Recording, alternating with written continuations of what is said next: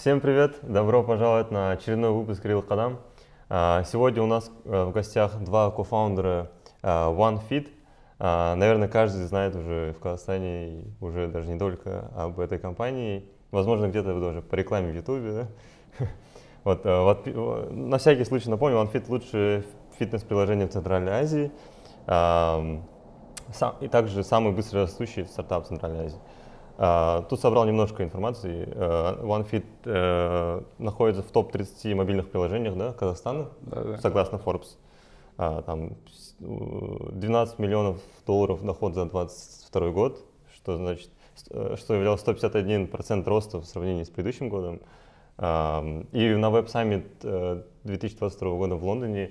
В Лиссабоне. В Лиссабоне, да. Ой, да, смотри, в Лиссабоне э, самый привлекательный среди инвесторов, да?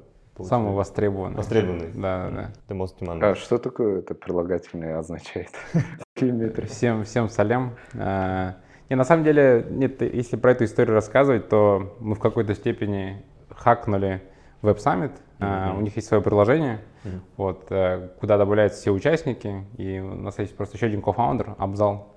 Mm-hmm. Вот он спарсил это приложение и сделал так, что он автомати- автоматически отправлял, вот он пытался, ну, френдил человека, который нам интересен, А-а-а. и автоматом отправлял ему сообщение. То есть в итоге... Это в LinkedIn? Нет, нет, это а. в приложении WebSummit. А, приложение WebSummit. А, а, интересно. Вот, и получилось так, что обычно та, та работа, которую люди выполняют ручками, то есть они находят интересного человека, там, вставляют сообщение, отправляют это, то есть мы это делали постоянно, то есть мы, мы, мы это назвали «Ночной Мурат». Вот, и эта штука достаточно классно работала, потому что там есть э, сессия между стартапами и инвесторами, э, где инвесторы, то есть они инициируют общение, говорят, я хочу вот с этим стартапом пообщаться. Из-за того, что вот мы всем стучались, и многие про нас знали, у нас было очень много встреч. Mm-hmm. И вот администратор, который обычно коннектит стартапы с инвесторами, несколько раз сказал, mm-hmm. ребята, вы очень крутые. Mm-hmm. Ну и второй, второй хак, наверное, это то, что у нас компания начинается с однерки. И мы в списке а, стартапов самые... стояли первым, да. А, По алфавиту, да? Да, то есть когда они открывали, сразу. Классно. И у вас сейчас 50 э, тысяч плюс кастомеров, да, в трех странах? Пока да, что. да, да. Пока что? Да. Окей. А, более индивидуально представлю, Мурат Алиханов, SEO и кофаундер, э, и Мир Адиджанов, SEO, операционный директор, э, и кофаундер тоже, также бывшие кофаундеры компании Codebusters, угу. правильно? Кстати, компания, которая создала приложение, приложение Путин, это аналог Codebusters, ой, ой аналог GetContact, mm. А, вот.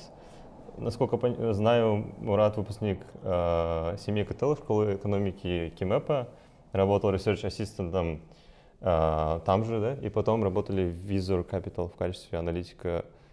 Я прочитал как Equity uh, Analytics, это типа аналитик по акциям грубо говоря. Да, да. И потом менеджером маркетинга, да, в Кейсел. Да, да.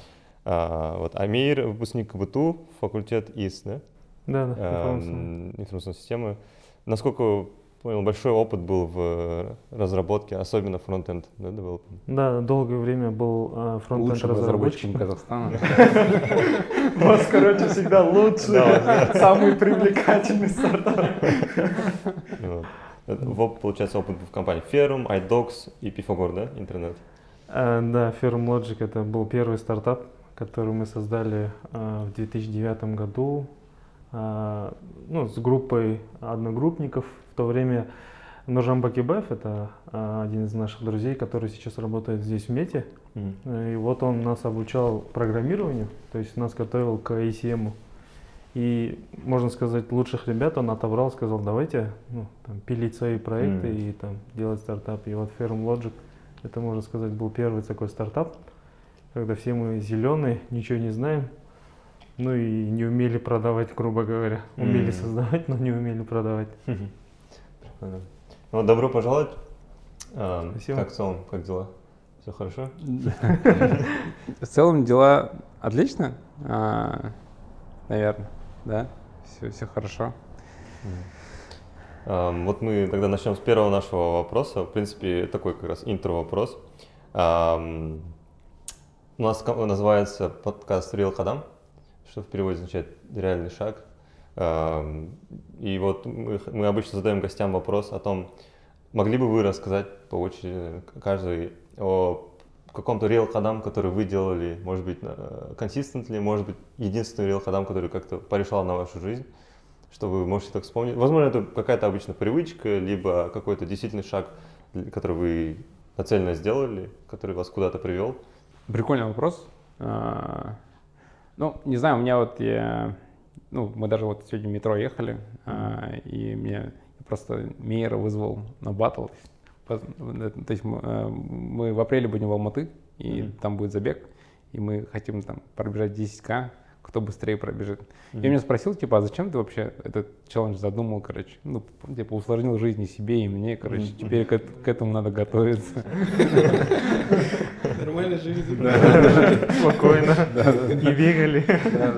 А, и у меня просто давно есть привычка того, что, типа, я, я знаю, что меня, допустим, драйвит, или какие, в какие условия я себя должен погрузить для того, чтобы я там overall перформил, короче. Потому что по своей натуре я очень ленивый. Mm. А, и, допустим, я знаю, что меня а, в целом драйвит competition, да, то есть mm-hmm. будь то, не знаю, там, competition в бизнесе, и ты там хочешь, там, чтобы твоя компания всех нахрен развалила на рынке, там, и так далее, и так далее. Mm-hmm. А, и я, по сути, вот то же самое пытаюсь сделать, наверное, постоянно, то есть я просто пытаюсь, во-первых, а, правильно для себя определить, что на меня хорошо влияет, и вот эти вот условия постоянно пытаюсь для себя воссоздать. Типа, mm-hmm. я не знаю, там, условно, если я замечаю, что я а, продуктивнее по утрам, то я просто очень рано встаю там, и так далее. Mm-hmm. Вот, и, наверное, вот эта привычка, она в целом, э, не знаю, благоприятно на меня повлияла. Mm-hmm. Ну, я могу сказать, что после того, как универ закончили, а, все же начинают карьеру, типа кто-то начинает свое что-то делать, кто-то устраиваться куда-то. И эм, я не помню, почему это у меня в голове заложилось, но я подумал, что на кого-то успеть, ну, работать я успею, типа, ну, то есть устроиться куда-то работать. И э, с тех пор было желание создать что-то свое, ну, то есть там фирм Logic, потом еще что-то, еще что-то. И вот э, мы там с друзьями, в частности вот с Оскаром, долгое время пытались что-то сделать. И поскольку мы оба программисты, Аскар mm-hmm. Ахшабаев, может, тоже знаете. Mm-hmm. А, он бэкэнд делал, я фронтенд делал, но мы не умели продавать mm-hmm. до тех пор, пока мы не встретили Мурада. И мы поняли, что мы реально не умеем продавать. Вот, и а, я к тому, что вот эта вещь, которая а, ты хочешь что-то свое сделать, возможно, и привело нас к тому, что вот сейчас у нас есть своя компания, и она как-то развивается. Вот могу вот, вот это сказать, что, наверное, вот... Они, даже донеры делали. Да. Код писали, что донеры делать, что ли? На фронте. Не успели автоматизировать, да? Понятно. Это круто. У меня вообще э, есть следующий вопрос, но прежде чем как перейти, я бы хотел узнать, что такое Web Summit. А, для наших слушателей? И вообще, зачем стартапы каждый год туда стремятся пойти? Вообще, надо ли это стартапам? И в какой момент стартапам вообще нужно задумываться о Web Summit? Web Summit — это самый крупный тег-конференс в мире, а, который посещает за раз там, больше, по-моему, 70 тысяч человек. А, и это место ну, наверное, вот можно пропустить место, где вот всякие лекции проходят там и так далее. То есть основная, основная миссия, наверное, Web Summit — это коннектить фонды и классные стартапы со всего мира. Mm-hmm. Вот у вас есть один выставочный день, плюс все дни, когда вы, пока вы там находитесь, вы можете заниматься нетворкингом. Просто там назначать людям встречи, общаться там и так далее. А, вот, наверное, ну, вот так вот, если говорить, что такое Web Summit, это просто очень, то есть крупная конференция, на которой точно будут, не знаю, очень крутые фонды, очень крутые стартапы. А, ну, там, если посмотреть, я, я просто не помню, но какие там, не знаю, суперзвезды американского стартап мира, они тоже там были, там, типа Dropbox там, и так далее. Mm-hmm. Пока, пока они были маленькими, грубо говоря. Mm-hmm. Вот, поэтому нам тоже показалось, что это будет интересно. А, мы на самом деле просто не ставили там каких-то не знаю, сверхзадач, наверное. Ну, а, понятное дело, что очень, как сказать, полезно законнектиться с инвесторами, но опять же, основная проблема в том, что э, если вы являетесь стартапом, выручка которого находится только в Центральной Азии, вы неинтересны Мгм. инвесторам из Лондона, Штатов там, и так далее, и так далее. Вот. Наверное, более оптимально стартапам туда пытаться попасть, ну, и- если у вас есть понятная выручка, география выручки, типа UK, Лондон, там, возможно, Европа там, а, и так далее. Ну, могу добавить. А, В первый раз мы, кажется, в 2018 году были, а, когда у нас Codebusters был. Ну, это аутсорсинговая компания. И а, мы поняли, что там и есть и другие аутсорс-компании, в частности, индусы, да, Мгм. которые они, ну, их там очень много, и они пытаются всем как бы свои услуги продать, и ты пытаешься с ними там конкурировать, да? Ну, Сложно найти дифференциатор да, да, какой-то. да. Ну, и они молодцы тоже. Они а, пытаются разные способы находить, как привлечь людей. Но а, могу добавить то, что это одна из таких уникальных возможностей, когда ты можешь продать свои услуги. Допустим, если а, ты аутсорс-компания, ты там, не знаю, узконаправленный там в финтехе или в геймдев или еще что-то, ты можешь прям туда пойти и целенаправленно искать вот своих будущих клиентов условно. Да, да, мы подходили, ну, когда вот у нас был Codebusters, мы подходили там к, к стартапам и говорили там, we code like, like Russians, but we, uh, we are cheap as Indians. Крутой sales line. Да. Вы да придумали. Вот. а, Не, в целом прикольно было. То есть нам даже казалось, что мы какие-то лиды заполучили. а, Вот, но потом это как-то все замялось там, и так далее. А, Наверное, просто нужно, как сказать, э, ну, одна из вещей, которая там требуется для веб-саммита, к веб-саммиту нужно готовиться. То есть реально продумать все, что вы там будете делать, потому что а, основная сложность, э, с которой там любой человек столкнется, это завладеть чем-то вниманием и так, чтобы его запомнили, короче. Вот, там есть разные подходы, там люди там каких-нибудь ниндзя наряжаются там и так далее. Ну, типа, опять же, люди запоминают как нечто, ну, прикольно, там, не знаю, там, ну, разоделся человек там и так далее. Вот, но в целом, вот, э, как сказать, завладеть вниманием, типа, на полноценной долгосрочной основе очень сложно. Вот. Наверное, это то, что нужно осознать, прежде чем посещать такие ивенты, ну, с какой-то вот целью коммерческой. Там, не знаю, получить клиента, получить инвестора там, и так далее. М. Кроме хака, который вы описали, то есть всем подряд писать, вы визуально как привлекали, допустим, усы сделали, чтобы все одинаково с усами были? А, да нет, ну, а, понятное дело, что мы свой мерч одели. а, Типа, и мы потом в какой-то момент поняли, что презентовать ну, с компа не всегда удобно. У нас мы продумали, что у нас были распечатки такие красивые, ламинированные, тоже как с блога брендированные. То есть это, мне даже там со временем прикол появился, что я типа часть корабля, короче, как Дэвид Джонс. Типа я часть презентации там, ну то есть, ну инвесторам это залетало, типа и там с какими-то из них я продолжил общение, там с какими-то интересными из них, то есть я добавил их в наш там monthly investor newsletter, типа они сами просят апдейты, мы им интересны, они ждут, пока мы здесь какие-то первые шаги сделаем. Еще один хак, э, который хочу добавить, это у нас было три группы, ну, мы разделили, М. и мы просто хантили инвесторов. То есть у инвесторов бейджик там то ли красный, и там инвестор. Ну и не разберешь то, что там инвестор, но то, что он красный, ты издалека уже видишь. Ты просто нацеленно идешь, у кого бейджик такой. Да, кс- кстати, вот одна из вот классных вещей, мы просто с собой взяли максимальное количество людей. То есть, во-первых, мы попали в стадию growth, это стартапы, которые там либо генерят определенное количество revenue, Мгм. либо они зарейзили какое-то количество денег. А. Вот у нас была первая категория, что у нас очень классная выручка была. Вот, и нам дали, по-моему, 5 да, билетов. Да. Нам дали 5 билетов, и мы вот 5 человек поехали, и, а, допустим, даже если у людей не было встречи, они просто по залу ходили, там, как, как акулы, короче, такие, там, искали этих инвесторов, ну и в целом было весело. На третий день уже инвесторы говорили, «Э, мы уже встречались, сообщались, я понял, понял, все, все, я посмотрю обязательно. Но опять же, типа, у нас была достаточно длительная поездка по Европе, вот, за которую мы собрали, по-моему, тысячи имейлов инвесторов. М. А, мы просто вот решили просто один раз взять и сделать, вот как все говорят, нужно там до хрена раз там имейлов отправить, там, и в конце что-то получится, короче. Мгм. Вот. а, по такой схеме, допустим, в Казахстане действовать невозможно, просто, просто такого количества фондов нет. То есть, я не знаю, там, ты пошел к тому, пошел к тому, Да. все, они кончились, короче. Мгм. А вообще там инвестора на общение открыты достаточно? То есть, если вот увидите, в красном инвестор подходите и Первый день. Первый день открыты, Да, потом пот- уже. Потом, наверное, как и мы все, их достают. А, И они уже второй, третий день, они вот так переворачивают свои бейджики, М. чтобы никто не понял, что это. Ну, Мгм. или кто это. да, да, да. Или вообще мы пару раз встречали инвесторов из Казахстана, там, знакомых. Они вообще другие бейджики носили. И мы спрашиваем, а что? Это запарили уже. Я у друга взял, М, чтобы это, ну, там, атенди или там просто как бы Чтобы не инвестор. Втихую послушать, да, Да, да, стартапы? да, разные? да. Даже такие. А там очередь, да, наверное, еще у инвесторов, нет?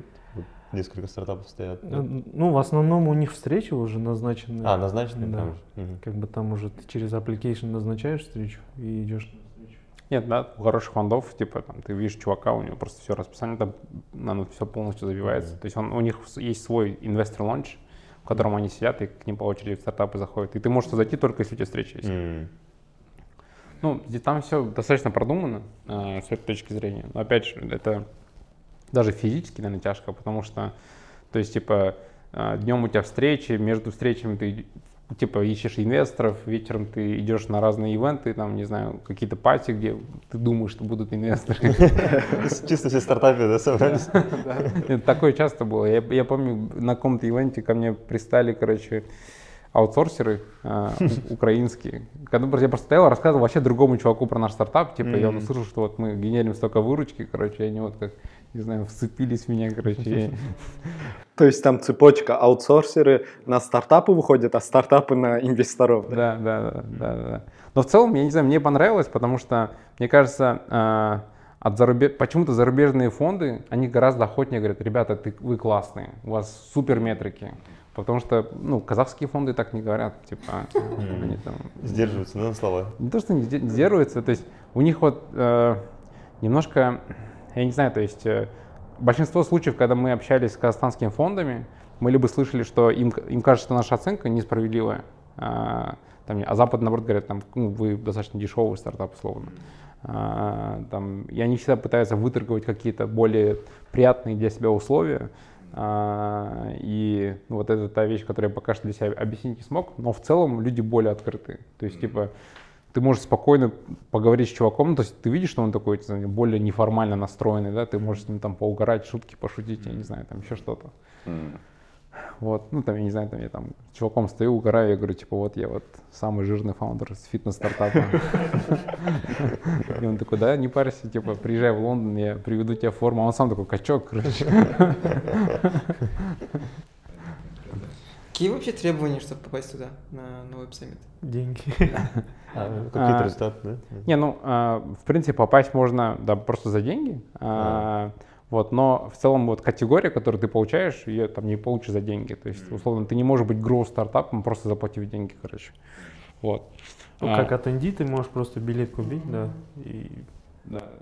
То есть, если, ну, совет, да, если кто-то хочет э, целенаправленно, то лучше в первый раз как атенди пойти, посмотреть вообще, как это все проходит, как лучше проходить. Ну, то есть, какие-то best practices собрать и год подготовиться, а потом уже нормально пойти. Ну, так, growth или, или A стартап, B стартап на серии. Да, еще один вот из больших плюсов, наверное, вот, который я для- лично для себя беру там вот в таких поездках.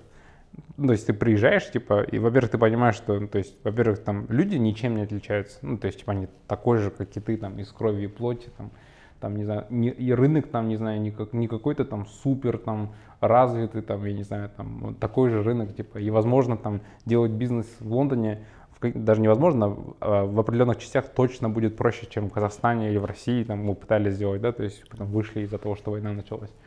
Ну, То есть, типа, какие-то вещи просто более предсказуемы, потому что у этого есть какие-то стандарты уже, как это должно происходить, и поэтому там ты в более предсказуемых условиях находишься и там более там, не знаю, правильно можешь выстраивать там стратегию, тактику того, как ты будешь делать те или иные вещи. Там в Питере мы подключали, там, был кейс, там, не знаю, женщина отказалась подписывать договор, ну, потенциальный партнер, потому что меня зовут Мурат, также звали ее бывшего мужа, она его ненави- ненавидит.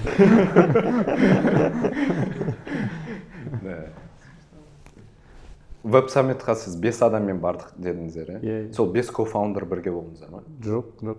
без кофаундер болсақ стартап кесіліп кетеді слишком талмушит бірақ бес ең кор команда бар деп э, сол жақта иә. Бес сөйлей алатын плюс минус сөйлей алатын адамдар бар десе болады ұят ұят жоқ сондай Чтобы на английском еще flow. да да да. адамдарға келіп тиісуге андай қысылмайтын бес адам бар десе болады Мне просто очень сложно, типа, вот, даже на каком-то ивенте, типа, типа, подойти к человеку, начать с ним разговаривать, типа, вот. А, у кого у вас в команде это хорошо получается Вот у нас есть Абдугани. а что у него есть такого то что типа у вас допустим нет я жоқ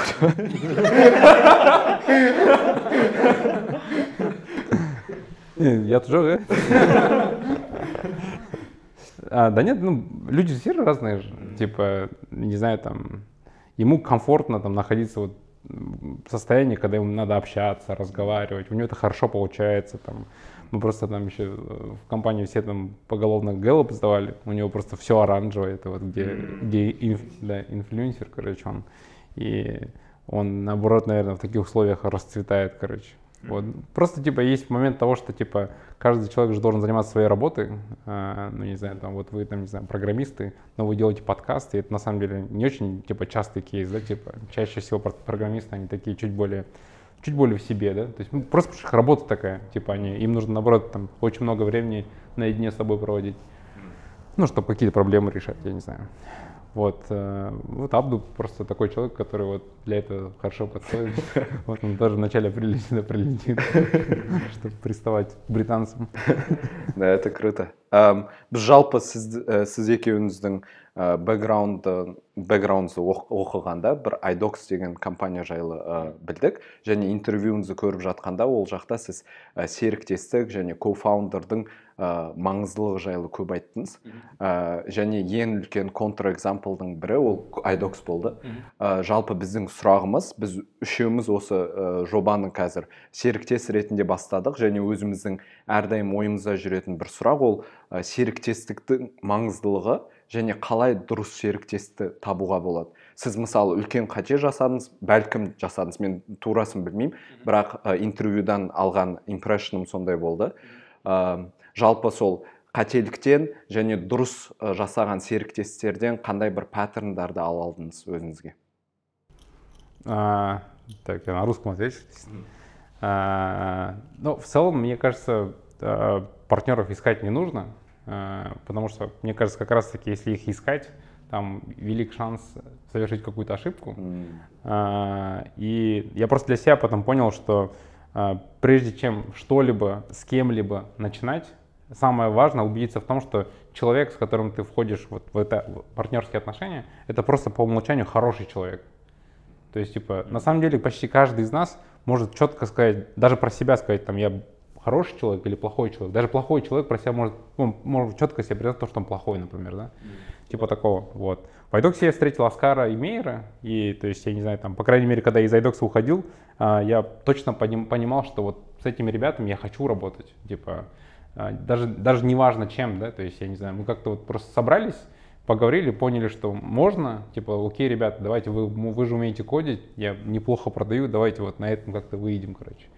Вот, и в целом, это сейчас, опять же, ну, э, этот, по, по крайней мере, для меня этот критерий, он по-прежнему остается самым важным, потому что, типа, с этими людьми, э, не знаю, у нас получилось э, эволюционировать как как профессиональные кофаундеры. То есть есть большая разница, вот, ну, я не знаю, просто между кофаундингом и между там каким-то профессиональным кофаундингом. Так это, мне кажется, это вот именно дифференциатором является то, что умение разделять отношения, короче. Типа, условно, мы все друзья, и это неизменно, а, вот, но то, что мы друзья, не, должно, типа, не должно влиять на то, что кто-то может быть по интересам ущемлен как кофаундер, например, да? Но при этом, при этом есть там третье измерение, в котором мы просто сотрудники OneFit, и мы все обязаны выполнять какую-то работу, короче. И там, не знаю, э, занимаясь работой, там, не знаю, там, какой-то конкретной, типа, я не могу обузить то, что я там акционер, например, да? Ну, потому что это просто там, не знаю, там, ты делаешь саботаж чьей-то работы, и это не очень правильно. Вот. И, ну, не знаю, я не искал э, Мейера со Скаром, я их просто встретил, ну, то есть, типа, и, ну, не знаю, там, захотел с ними работать. там позже к нам присоединился там Мирей, позже к нам присоединился Абзал, а, ну и в целом, то есть, э, не знаю, там, это как-то вот, не знаю, случилось, короче, поэтому а, я не могу ответить, типа, как найти партнера, А, вот. Ну, я могу сказать лишь, на что бы я стал обращать внимание. Опять же, ну, почему вот это базовое понимание того, что человек хороший, э, это важно, да? То есть, э, потому что кризисные моменты, они будут наступать. Ну, То есть, э, всегда, всегда будут наступать сложности или моменты, когда вы в чем-то не согласны, короче. Но когда ты четко понимаешь, что, я не знаю, там, вы опираетесь на примерно похожие ценности, вы всегда можете в рамках них договориться. Вот. А если, допустим, перед вами человек, который может сам с собой договориться, чтобы эту ценность там, подвинуть на место, ну, куда-то, вы уже Мгм. находитесь в условиях, которые не очень типа предсказуемые, да, то есть типа я не знаю там условно там я точно если я точно знаю, что если допустим я приду там в наш там не знаю кофаундинг совет скажу давайте там у кого-нибудь денег своруем типа ну то есть не получится, да, то есть типа такого, Прикольно. А вот у вас же еще пятеро кофаундинг партнерс, да? да, да. И в целом, насколько это сложно? Потому что в целом, вот, даже со стороны инвесторов, если смотреть, обычно же вот немножко, допустим, если один cofounder, а- один founder, это тоже скептически смотрится, да? Мгм. Потому что об- обычно любят, когда несколько founder ов. Мгм. И в то же, то же самое, когда вот, допустим, обычно в среднем же 2-3, и когда 4 плюс. Мгм. И как вот со стороны инвесторства, и вообще, как вы сами ощущаете, вот 5 cofounder ов, сложно ли договориться обычно бывает? Особенно, может быть, на начальных этапах, когда у вас не было много сотрудников, Мгм. вот, как decision принимались. Ну, для фондов это плохо. Но опять же, мы, мы вот эту проблему для инвесторов, я, мне кажется, со временем решили. Объясню почему. Типа, почему, почему фонды не любят, когда много типа фаундеров? Они не любят, потому что а, через несколько раундов а, у каждого кофаундера останется очень мало доли. А, и у них падает мотивация, и типа очень много в стартапах это, ну, то есть это просто про волю фаундера, да, или там, фаундинг тима, да, так скажем. Вот.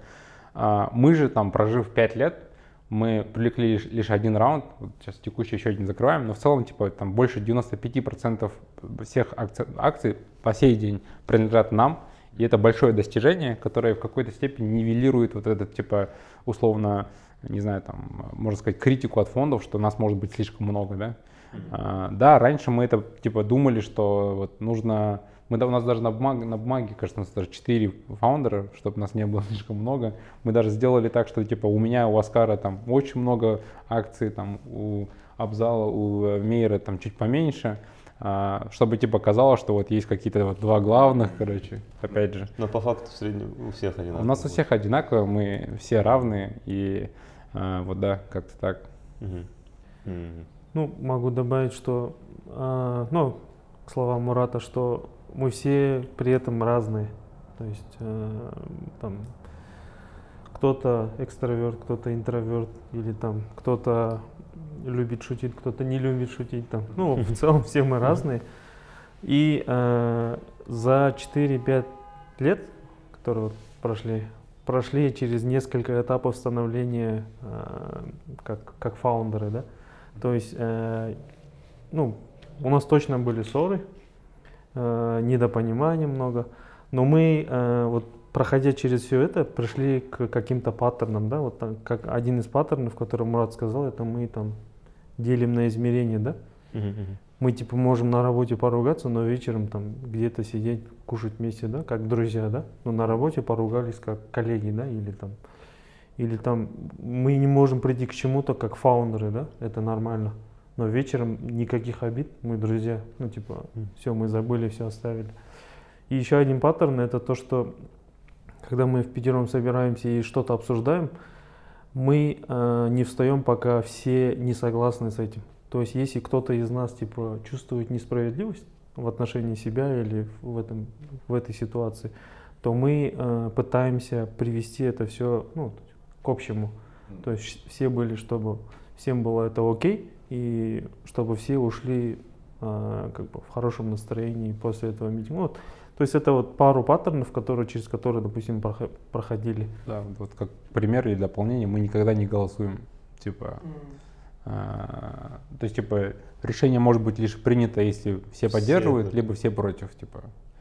А, М. Но мы, типа, не говорим, вот нас пятеро, вот трое за, двое против, поэтому мы принимаем, короче. Мгм. А если есть разветвление, типа мы делаем это, либо это. То есть вы такие, окей, мы найдем третье решение, которое все захотят, да, вот так? То есть, если, допустим, Да, сюда возможно, дропнуть за возможно. Да, да, да, да, да, да. Мгм. Это чтобы не было вот этого разделения, да, типа разделения. Э, Ну, а, типа, как сказать, а, любое голосование, типа, это означает, что кто-то выиграл, а кто-то проиграл, короче. Это рождает какое-то небольшое недовольство. Оно потом будет, типа, копиться, и в итоге, типа, наши вот эти собрания не станут, типа, не очень продуктивными с точки зрения того, что, типа, условно появится, наверное, желание просто победить соперника, короче. Ну, возможно, по- появится. Но мы так никогда не делали, короче. Либо мы условно там, а, кто, допустим, ну, является типа носителем какой-то новой идеи, например, да, он либо приходит, либо всех убеждает, короче, либо никого. М. Ну, насколько эта система вообще scalable, насколько это можно расширить, если компания будет сейчас расширяться? У вас, допустим, клиентская база сейчас 50 тысяч, но в будущем это будут миллионы, надеюсь, да? А тогда уже компания и интересы, вы думаете, будут всегда, э, то есть у кофаундеров одни и те же? Ну, а, опять же, типа как фаундер мы сейчас решаем очень маленькое количество вопросов. А, у нас есть типа топ-менеджмент, не знаю, там есть там, не знаю, C-level suite, а, в котором есть, в котором, кстати, нет некоторых э, кофаундеров. А, вот. И, э, то есть, э, ну, поэтому, мне кажется, мы продолжим с этим справляться. А, вот, как-то так. Ну, последние вопросы, ну, из последних вопросов, которые мы часто вместе обсуждаем, это хотим ли мы с этим инвестором работать или нет. Ну, и в этом плане как-то легко решается, типа, у кого больше информации, тот и говорит, типа, я знаю их, они такие или, или другие, и мы говорим, ну, окей, согласны, окей, не согласны. Или мы решаем вопрос, типа, запускаемся в Лондоне или не запускаемся, да. И типа тут тоже, да, как бы. То есть мы, э, ну, можно сказать, 2-3 года назад, возможно, когда компания только-только начала формироваться, решали более, ну, приземленные вопросы, типа там, где будет наш офис или там, кого, кого мы наймем на работу. А сейчас уже, да, уже отходим от этих вопросов. Ну, Я недавно подкаст слушал э, с Тугом э, Леоном, он э, одни- один из партнеров э, Sequoia Capital, и он рассказывал, как у него также был другой менеджинг партнер э, в Capital, и там у них вообще не было дружеских отношений. То есть они просто партнеры, которые очень профессионально с друг другом относятся и требуют очень многое на работе. И за работой они просто как э, знакомые, но не друзья. Насколько ваша дружба э, вот в течение пяти-четырех лет э, изменилась? Являетесь ли вы друзьями до сих пор а, или просто э, партнерские такие э, профессиональные отношения? А, Ну, я могу сказать, что это никак не повлияло. То есть а, могу даже больше сказать, что за эти 4-5 лет, наверное, я еще больше узнал, допустим, Мурата, да? То есть с Аскаром я с 2009 года, а, но с Мурата я с 2014 года знаю.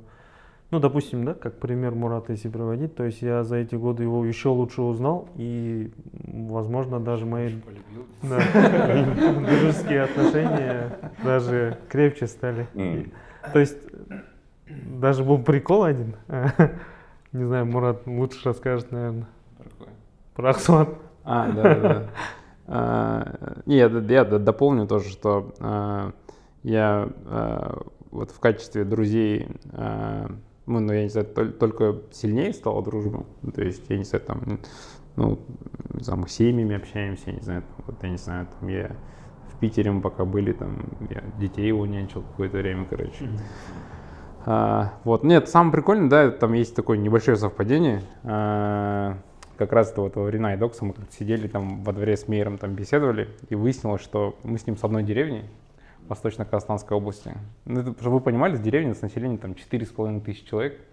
А, ну и там мы потом начали там выяснять, что оказывается там вот мой дедушка и его дядя, там они вместе борьбой занимались там. Ну, Это опять такое небольшое совпадение, очень странное, короче. А, потому что, ну то есть я в принципе, там, уехав из этой деревни, типа, никогда больше не, не встречал людей с этой деревни. Ну вот, вот такие моменты, они еще больше сближают. Ну, то есть ты просто... Ну, мы прикалываемся, мы ахсуатские, типа, нам все по плечу ехало. Типа таких моментов. Э, В начале, наверное, вот когда создается стартап, самое, од- одно из типа челленджинг вещей это выстроить коммуникацию. Вот вы сказали, что мы не стоим, не встаем со стола, пока не все будут типа согласны. Или если кто-то чувствует себя ущемленным, то мы типа, пытаемся это выяснить. А, как вы, ну как этого вообще добились в целом, потому что а, мне кажется, это тоже непростая вещь, чтобы человек говорил, что он ущемленный, во-первых, и, или вы, не знаю, какие-то э, сами такие эмпатичные кофаундеры, что вы можете друг друга там распознать, когда он ущемленный или нет. Или есть у вас там, типа, конечный вопрос, типа, все ли там готовы встать туда активно? Или какой-то- Или каждый должен там поднять, не. Не, ну а, у нас э, ну, каких-то специальных ритуалов для этого нет. А, но ну, в, в целом я думаю, что опять же, типа, это практически всегда понятно, что человек чем-то недоволен. Даже если да, нет, всё нормально. Такой, ничего, ничего страшного. Такие, да ладно, Да, да, да, да. говори. Вот. Ну, опять же, это всегда же видно же там по какой-то микромимике, там, что человек там не всем доволен, короче, там, или там, ну, я не знаю, там, у нас, допустим, там, среди кофаундеров есть люди просто, которые типа, не любят конфликтовать, короче, и из-за этого могут, там, не знаю, меньше говорить о своем там чувстве недовольства, короче. Вот, э, ну, ну, как все равно, то есть, ну, то есть, да, вот, я не знаю, там условно видим, что что-то не так, и до конца общаемся. Вот, а так, да, то есть э, вначале было так, что, типа, условно, наоборот, что, что из-за того, что там кто-то чей-то друг, типа, он не говорит, что он ущемлен, короче. Вот. Ну, особенно это там проявлялось, когда у нас там были не самые лучшие времена, наверное. Вот, тогда мы, опять же, мы начали говорить, и опять же, из-за того, что а, мы изначально убедились в том, что, типа, вот мы все там хорошие люди, которые примерно на похожих ценностях оперируют, а, мы, получили там, не знаю, там какую-то очень структурированную и понятный там какой-то разговор, в рамках которого мы все эти там моменты, которые кого-то задевали, там, решали очень правильно. Ну вот про- продолжу э, тему э, строения команды и как вы договариваетесь внутри. Вы тоже затронули тему этичности, да? То, что вот если ты хороший человек, главное, чтобы твои партнеры были, они хорошие люди, да, по сути. И вот э, тут как раз откликается вот эта история, как вы закрыли проект э, с- с- э, Путин, да, симулятор, э, как похоже на GetContact. То, что вы в одном из интервью рассказали, что вот он, по сути, у вас был очень успешный, там очень много юзеров, приносил вам прибыль за счет рекламы, да, но вы решили, со- собрались, решили закрыть его, потому что там он, оказывается, как-то плохо влиял на пользователя, да. И э, вот это опять же из-за того, что вы все хорошие люди, кто-то там предложил идею, и вы такие, ну да, по идее, договорились, или у вас в целом есть какой-то э, а-ля ethics э, принципы в компании, допустим, этика важнее ревеню, или там, потому что всегда же сложно, то есть выбрать между хорошей вещью или вещью, которая поможет вашему бизнесу, да? И у вас есть ли всегда, допустим, всегда этика важнее наш даже бизнес там? Или какие-то такие принципы внутри компании? Или это как, как Ну, у нас всегда была, типа, такая штука, что, типа, условно, типа, не знаю, там, моральный устой человека гораздо важнее его скиллов. А, вот, ну, наверное, что-то очень похожее, а, просто мы с этого начинали, то есть, когда мы там в самом начале команду собирали там, для того же Codebusters, опять же, я сейчас вот вспоминаю то, что мы делали, то есть, условно, да, у нас там были Оскар, Мейер, там, и я, типа, и, и до хрена студентов просто.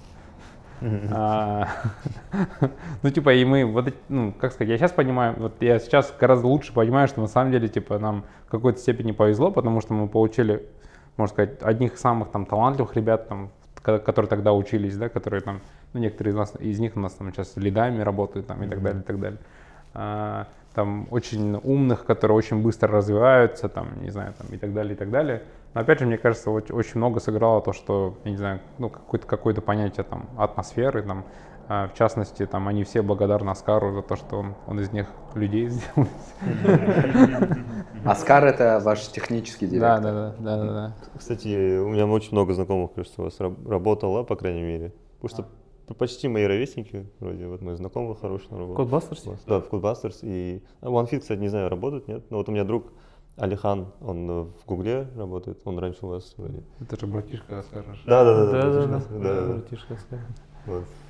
А, Не, ну, э, дополню. Э, то есть, когда мы и потом тоже, когда нанимали людей, там, не знаю, топ-менеджеров и других, мы э, в первую очередь, конечно, отбирали среди тех, кто знает свою сферу. Допустим, он там сильный в экономике или он сильный там в этом или в другом, но всегда оставался там непрописанный какой-то, э, как сказать, какое-то условие, когда мы смотрим не как на человека, типа Мгм. вообще он как человек нормальный или ненормальный, то есть сможем ли мы с ним сработаться или не сможем, то есть там по-любому э, это вот через какую-то такую ситу проходило, типа там мы могли обсуждать его, типа там ничего плохого он не делал или делает, ну не знаю, там, понторез, не понторез, ну то есть раз- Мгм. разные вообще вещи.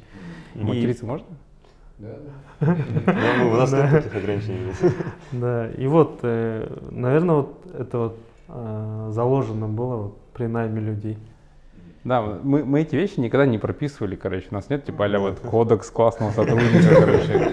Но условно, типа, а, ну, я не знаю, там, у нас как-то вот, наверное, вот на уровне вот наших разговоров мы как-то вот сами понимали, что очень важно понимать, человек потахпас или нет. нет.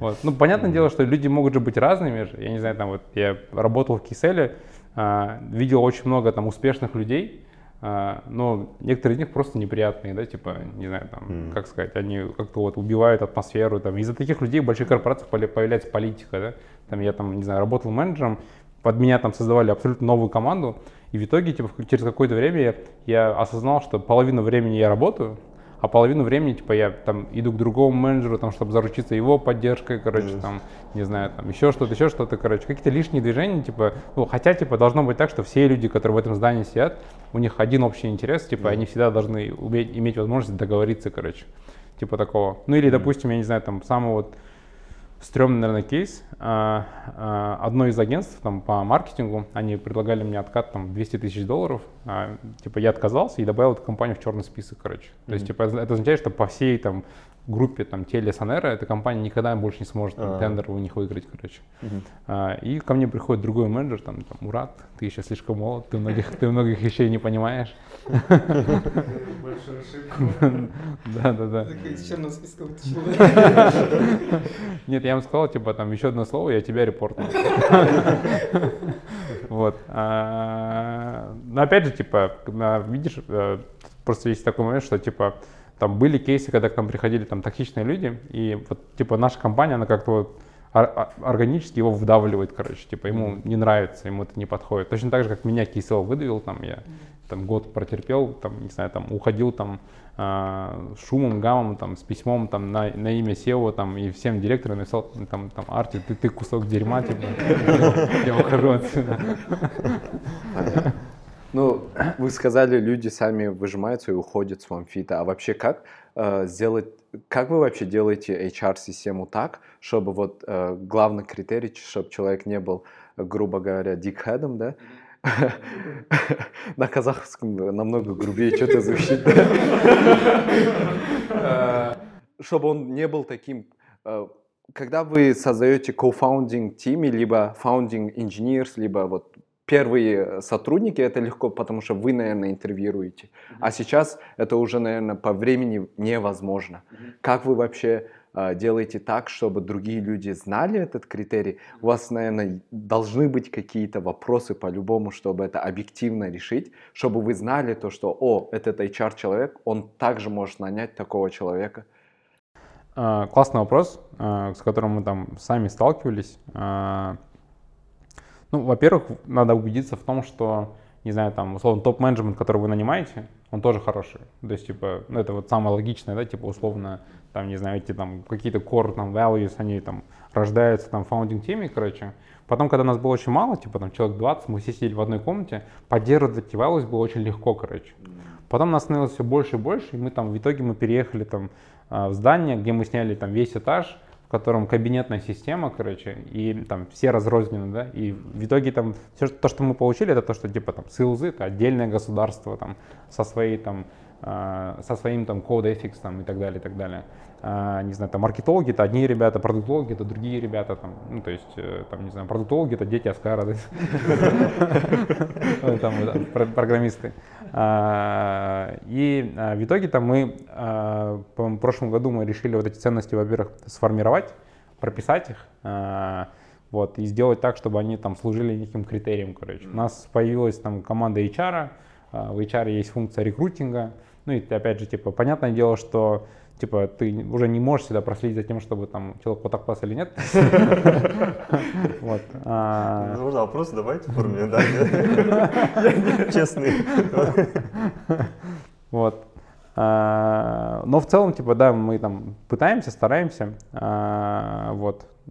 Ну, самое, самое вот первое, то, что мы должны были сделать, это, во-первых, вот эти values описать, ну и там как-то вот команде там презентовать. Ну и в целом мы постарались сделать так, что команда тоже участвовала в том, чтобы это сформулировать, и оказалось тоже так, что типа большая часть команды уже про эти вещи знает, короче, ну то есть как-то их понимает, короче. Вот, в итоге там мы их сделали. А какие ваши ценности? Мне интересно. Мне расскажет. Забыли.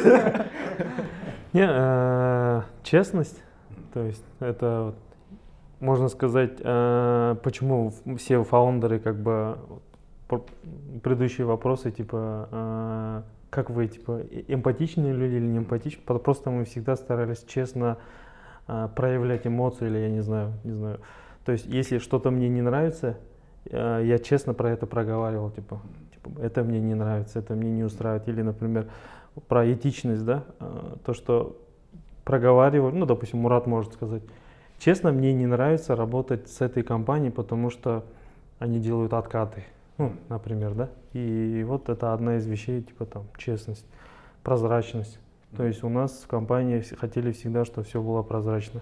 Ну, то есть максимально прозрачно, и сейчас, допустим, там Мурат может в Инстаграме или где-то делиться там какими-то информациями внутри компании, типа там, сколько у нас выручка, сколько у нас людей, там, а, такие вещи.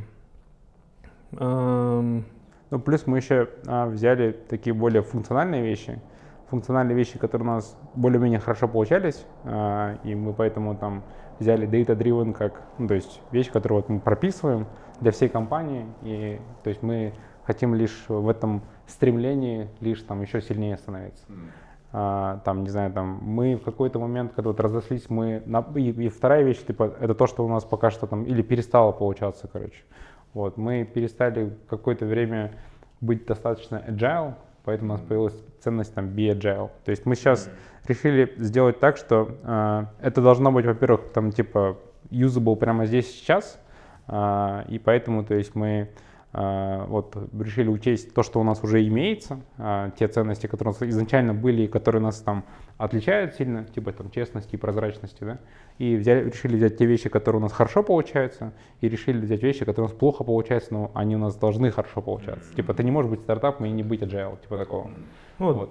как мы пришли, допустим, да, добавлю data-driven. То есть э, в какой-то момент у нас в компании стало больше субъективных мнений, типа там, я считаю, я думаю, мне кажется, или там, не знаю, я во сне увидел что-то. И вот после этого э, как, э, мы подумали, что лучше все решения основывать на реальных данных, типа там не говорить про ощущения, а говорить типа там у нас же 50 тысяч пользователей, и просто взять эти данные и сказать, вот основываясь на этих данных, там, э, на этих вычислениях, давайте там делать вот так. да, там. Почему даже мы выбрали Лондон, это тоже как бы своего рода там data-driven решение. Да, еще, а, ну, в целом, типа, там еще было так, что, ну, из- вообще изначально мы всегда старались быть data-driven в OneFit. То есть у нас всегда была там какая-то простенькая финансовая модель, которую было легко мейнтейнить. А, ну и но она там сильно нам помогала ну, следить за тем, чтобы у компании все примерно хорошо было. Там мы считали вещи. Это, наверное, то, что большинство ста- стартапов на старте, наверное, практически никогда не делают или не делают на постоянной основе. То есть для нас это был полноценный инструмент менеджмента, там, когда мы понимали, как у нас расходы будут меняться там, и так далее, и так далее. А, и опять же, одна из вещей, которая подчеркивает, почему для нас Data Driven это сильная ценность, это в том, что у нас, даже будучи стартапом, пока что все еще небольшим, у нас есть Chief Data Officer, а, то есть мы прям сдел- решили, что это мы вот в C-level поднимем, ну и это тоже достаточно классное решение было, потому что у нас получилось команду получить а, Кайрата Айтпаева, а, который вот очень, ну, пришел и начал сразу импактить. И подавал тоже. Который... Сергей. Сергей, да. Да, А, да, да, да. Вот, наверное, так, если кратко по ценностям. Круто. Мне самое сильное нравится то, что вы э, поставили не только ваши сильные стороны, но и слабые стороны, которые вы хотите улучшить. Да, да, да. Это круто. Вот если про Data Driven говорить, какие самые лучшие решения вы приняли, исходя из Data? А, ну, вот, нет, в целом их много, но, наверное, вот самое яркое для меня, я просто, типа, у меня, а, я учился на экономиста, там долго занимался исследованиями, и поэтому мне вот этот эксперимент, он для моего там, сердца особенно там теплый и близкий. А, В августе мы начали ценовой эксперимент, в рамках которого мы пытались оптимизировать выручку, А, то есть мы пытались понять, в каком прайсинговом коридоре а, а, там, не знаю, там, наши там, годовые абонементы про- продаются лучше всего. То есть это, не знаю, там очень такая базовая, там, не знаю, теория или там, не знаю, очень базовое уравнение из э, микроэкономики, а, которое мы решили. А, вот. И у нас получилось там выяснить, что там годовые абоненты там лучше всего продаются вот по такой-то цене. Это, это что означает? При повышении, при повышении там, э, при маржинальном повышении цены там а, конверсия сильно падает, а, но, допустим, при небольшом понижении конверсия не растет, короче. Вот это такая оптимальная точка, короче. Вот мы ее нашли, и у нас абонементы подорожали примерно а, на 70%. А, вот. И в целом это, ну, то есть, наверное, говорит о зрелости нашего стартапа, просто потому что стартап был очень, ой, точнее, эксперимент был очень болезненным. То есть мы а, из-за, ну, опять же, типа, у нас не хватало данных, исторических данных о том, как, какие у нас были продажи, когда у нас были высокие цены. Их никогда таких высоких не было, короче. И мы просто вот в один день там повышаем цены там, в два с половиной раза. Там продажи падают, а, очень, ну, прям драматически, короче. И у нас вот именно яиц хватило, типа, там, прождать там три месяца, короче, пока там спрос откорректировался. Обратно, да, да, да. Вот. То есть вы всем... э, Всем, всем пользуются. Да, да, да. Мы не делали, типа, там, не знаю, там, Эксперимент, да. эксперимент там, где вот так и вот так. Ну, это ценовой эксперимент, в смысле, цена это достаточно, достаточно публичная вещь, типа, где ты не можешь, типа, там, для разных групп это делать, типа, одним показывают, там, 100 тысяч, другим, там, 250 Надо в тысяч. Алмату основном подороже поставить. Да. Вот. а, Быстро узнают. Да, да, да. Ну, опять же, у нас просто, э, по-моему, тогда в июле мы продали на 1,8 миллиона, короче, и э, в этом, в августе у нас сколько было? Ну, что-то типа меньше ляма, там, больше, чем два раза продажи упали, А, вот. Мгм. И в сентябре начали восстанавливаться. И в октябре мы поняли, что эксперимент удался. Да, просто потому что у нас net профит на абонемент, он с 90 долларов вырос на 220 долларов. И типа net, А. net profit это вот, я не знаю, после всех вычетов да, да, деньги, да. которые компании остаются. То есть даже можно меньше самих пользователей взять? Да, да, что да, с- одного да. уже в три раза там Да, уходит да, больше. да. Но вы на два с половиной раза больше сделали, но потом э, в конце концов понизили, да? М, Ну, то есть мы, 70. мы подняли вот два с половиной раза до, со 100 до 250, короче. А, и а, нач- нач- начали просто понижать, понижать, понижать. а, ну и там просто смотреть на данный момент. То есть, не знаю, неделю держим эту цену, спускаем, неделю держим эту цену. Сейчас мы то же самое делаем, только мы по 5000 вверх, вверх и снова идем. Потому что у нас в модели не хватает данные, данных о сезонности. А, и вот мы их сейчас тоже пытаемся выяснить. Ну, это, опять же, это будет бесконечный эксперимент, в котором Мгм. мы все лучше и лучше будем рынок узнавать. А, ну, тем, тем самым, там, не знаю, у нас должен быть классный performance. Там, в Казахстане точно там суперский performance. А вообще, типа, в будущем North Star это было бы каждый день цена будет автоматически изменяться по разным данным, по разным сигналам, да, допустим? А, ну, опять же, типа, это, наверное, а, то есть, как сказать, вот для фитнеса 50 тысяч клиентов это очень много. Типа, там, не знаю, там, до этого там самая большой, там, большая сеть была фитнес Blitz, у которой было 5 тысяч клиентов. И это тоже было, типа, до хрена, короче. М. А, но опять же, 50 тысяч человек это не то, опять же, эти, эти, эти транзакции не такие высокочастотные, чтобы типа сделать там, там по-настоящему динамическое ценообразование, да, то есть типа там мы, ну, мы не сможем столько там переменных найти, которые на эту штуку так классно влияют, и исходя из них, там, не знаю, там, ну, бывает же там на улице дождь идет, Яндекс повышается, типа, Да. Есть у, нас, у нас таких факторов нет. У нас человек раз в год абонемент покупает. Вот. Да, да, да. То есть, да, заказ еды, там, заказ такси, там, даже банально покупка авиабилетов, они более частотные, чем, допустим, покупка Понятно. абонемента. А вас сейчас, вы тестируете frequency, частоту именно по сезонам, да, по там зима, Да, лето? да, да, да, круто, да, круто. да, да. Мгм. То есть раньше мы не могли сезон замерить, потому что а, мы же не являемся, типа, то есть мы все еще были маленькими, и типа даже когда типа сезонность говорит о том, что продажи в фитнесе меньше, мы все равно растем, короче, и поэтому вот сезонность мы не могли замерить. М. А в Казахстане мы более-менее вот начали, то есть а, из-за того, что там мы, там, не знаю, там уже на- начали в месяц достаточное количество абонентов продавать, мы а, можем собирать достаточно статистически значимые изменения там в конверсиях, цене за, за привлечение клиентов. То есть, условно, когда сезон, там, CEC у вас должен, там, не знаю, понижаться, потому что люди более заинтересованы, да, в фитнесе. Типа такого. Там в марте, например, так должно быть, да. Там, не знаю, маркетинг должен там чуть лучше перформить, просто потому что люди более охотно хотят, там, не знаю, приобрести услугу фитнеса. Типа такого. Вот это мы уже можем замерять. Раньше мы этого не могли замерить, потому что там, мы продавали там 500 абонементов в месяц, и это было для нас хорошо, но в целом недостаточно для того, чтобы понять какие-то вещи. Там, сейчас мы там, на маркетинг там, в день тратим, даже доходило, по-моему, до 10 тысяч долларов. Вот, а, там, в месяц это достаточно большая сумма, Мгм. и там, не знаю, там условно достаточно много а, ивентов, связанных там, с просмотрами, там, с кликами и так далее, и так далее. М. А вот э, насчет ценового, допустим, вот вы сделали такой эксперимент, он успешный выдался, а потом постфактум вы поняли, за счет чего э, поднятие цены в два с половиной раза, ам, наоборот, ну, да, помимо того, что, получается, скорее всего, у вас база юзеров полностью поменялась, да, потому что, я- если так думать, то есть у вас цена повысилась, но пакет услуг остался тем же, то есть приложение тоже, Мгм. об- э, те же самые э, фитнес-клубы, да? И при том, что у вас а, также сегмент, вы как говорили, эконом-сегмент, да? Да, Или- да, да. И за счет чего, то есть люди, которые, допустим, смотрели, что раньше стоило 100 и сейчас 250, допустим, э, какой-то есть ретроспективная уже мысль, почему так порешала? Или, или скорее там вот все в данных э, и А, да нет, а, на самом деле, типа, там же большинство абонентов продается в рассрочку же, типа, Мгм. и на самом деле а, там человек не, не думает там 100 тысяч или 170 тысяч, да, он Мгм. там думает, в месяц это там 9 тысяч и 12 тысяч, например, ну, Мгм. не знаю, примерно такие порядки, да, условно. а, И ему на самом деле насрать, типа, это ну, 3 тысячи в месяц, типа, или 5 тысяч в месяц, ну, там, Да-да-да. 5 тысяч это там, не знаю, там, ну, Покушать. Да, покушать, да. В Лондоне воду купить. Да, там, кстати, вот Evian пьем. Facebook. Да. Тут только Эвин у нас. Асу тоже взяли вы это.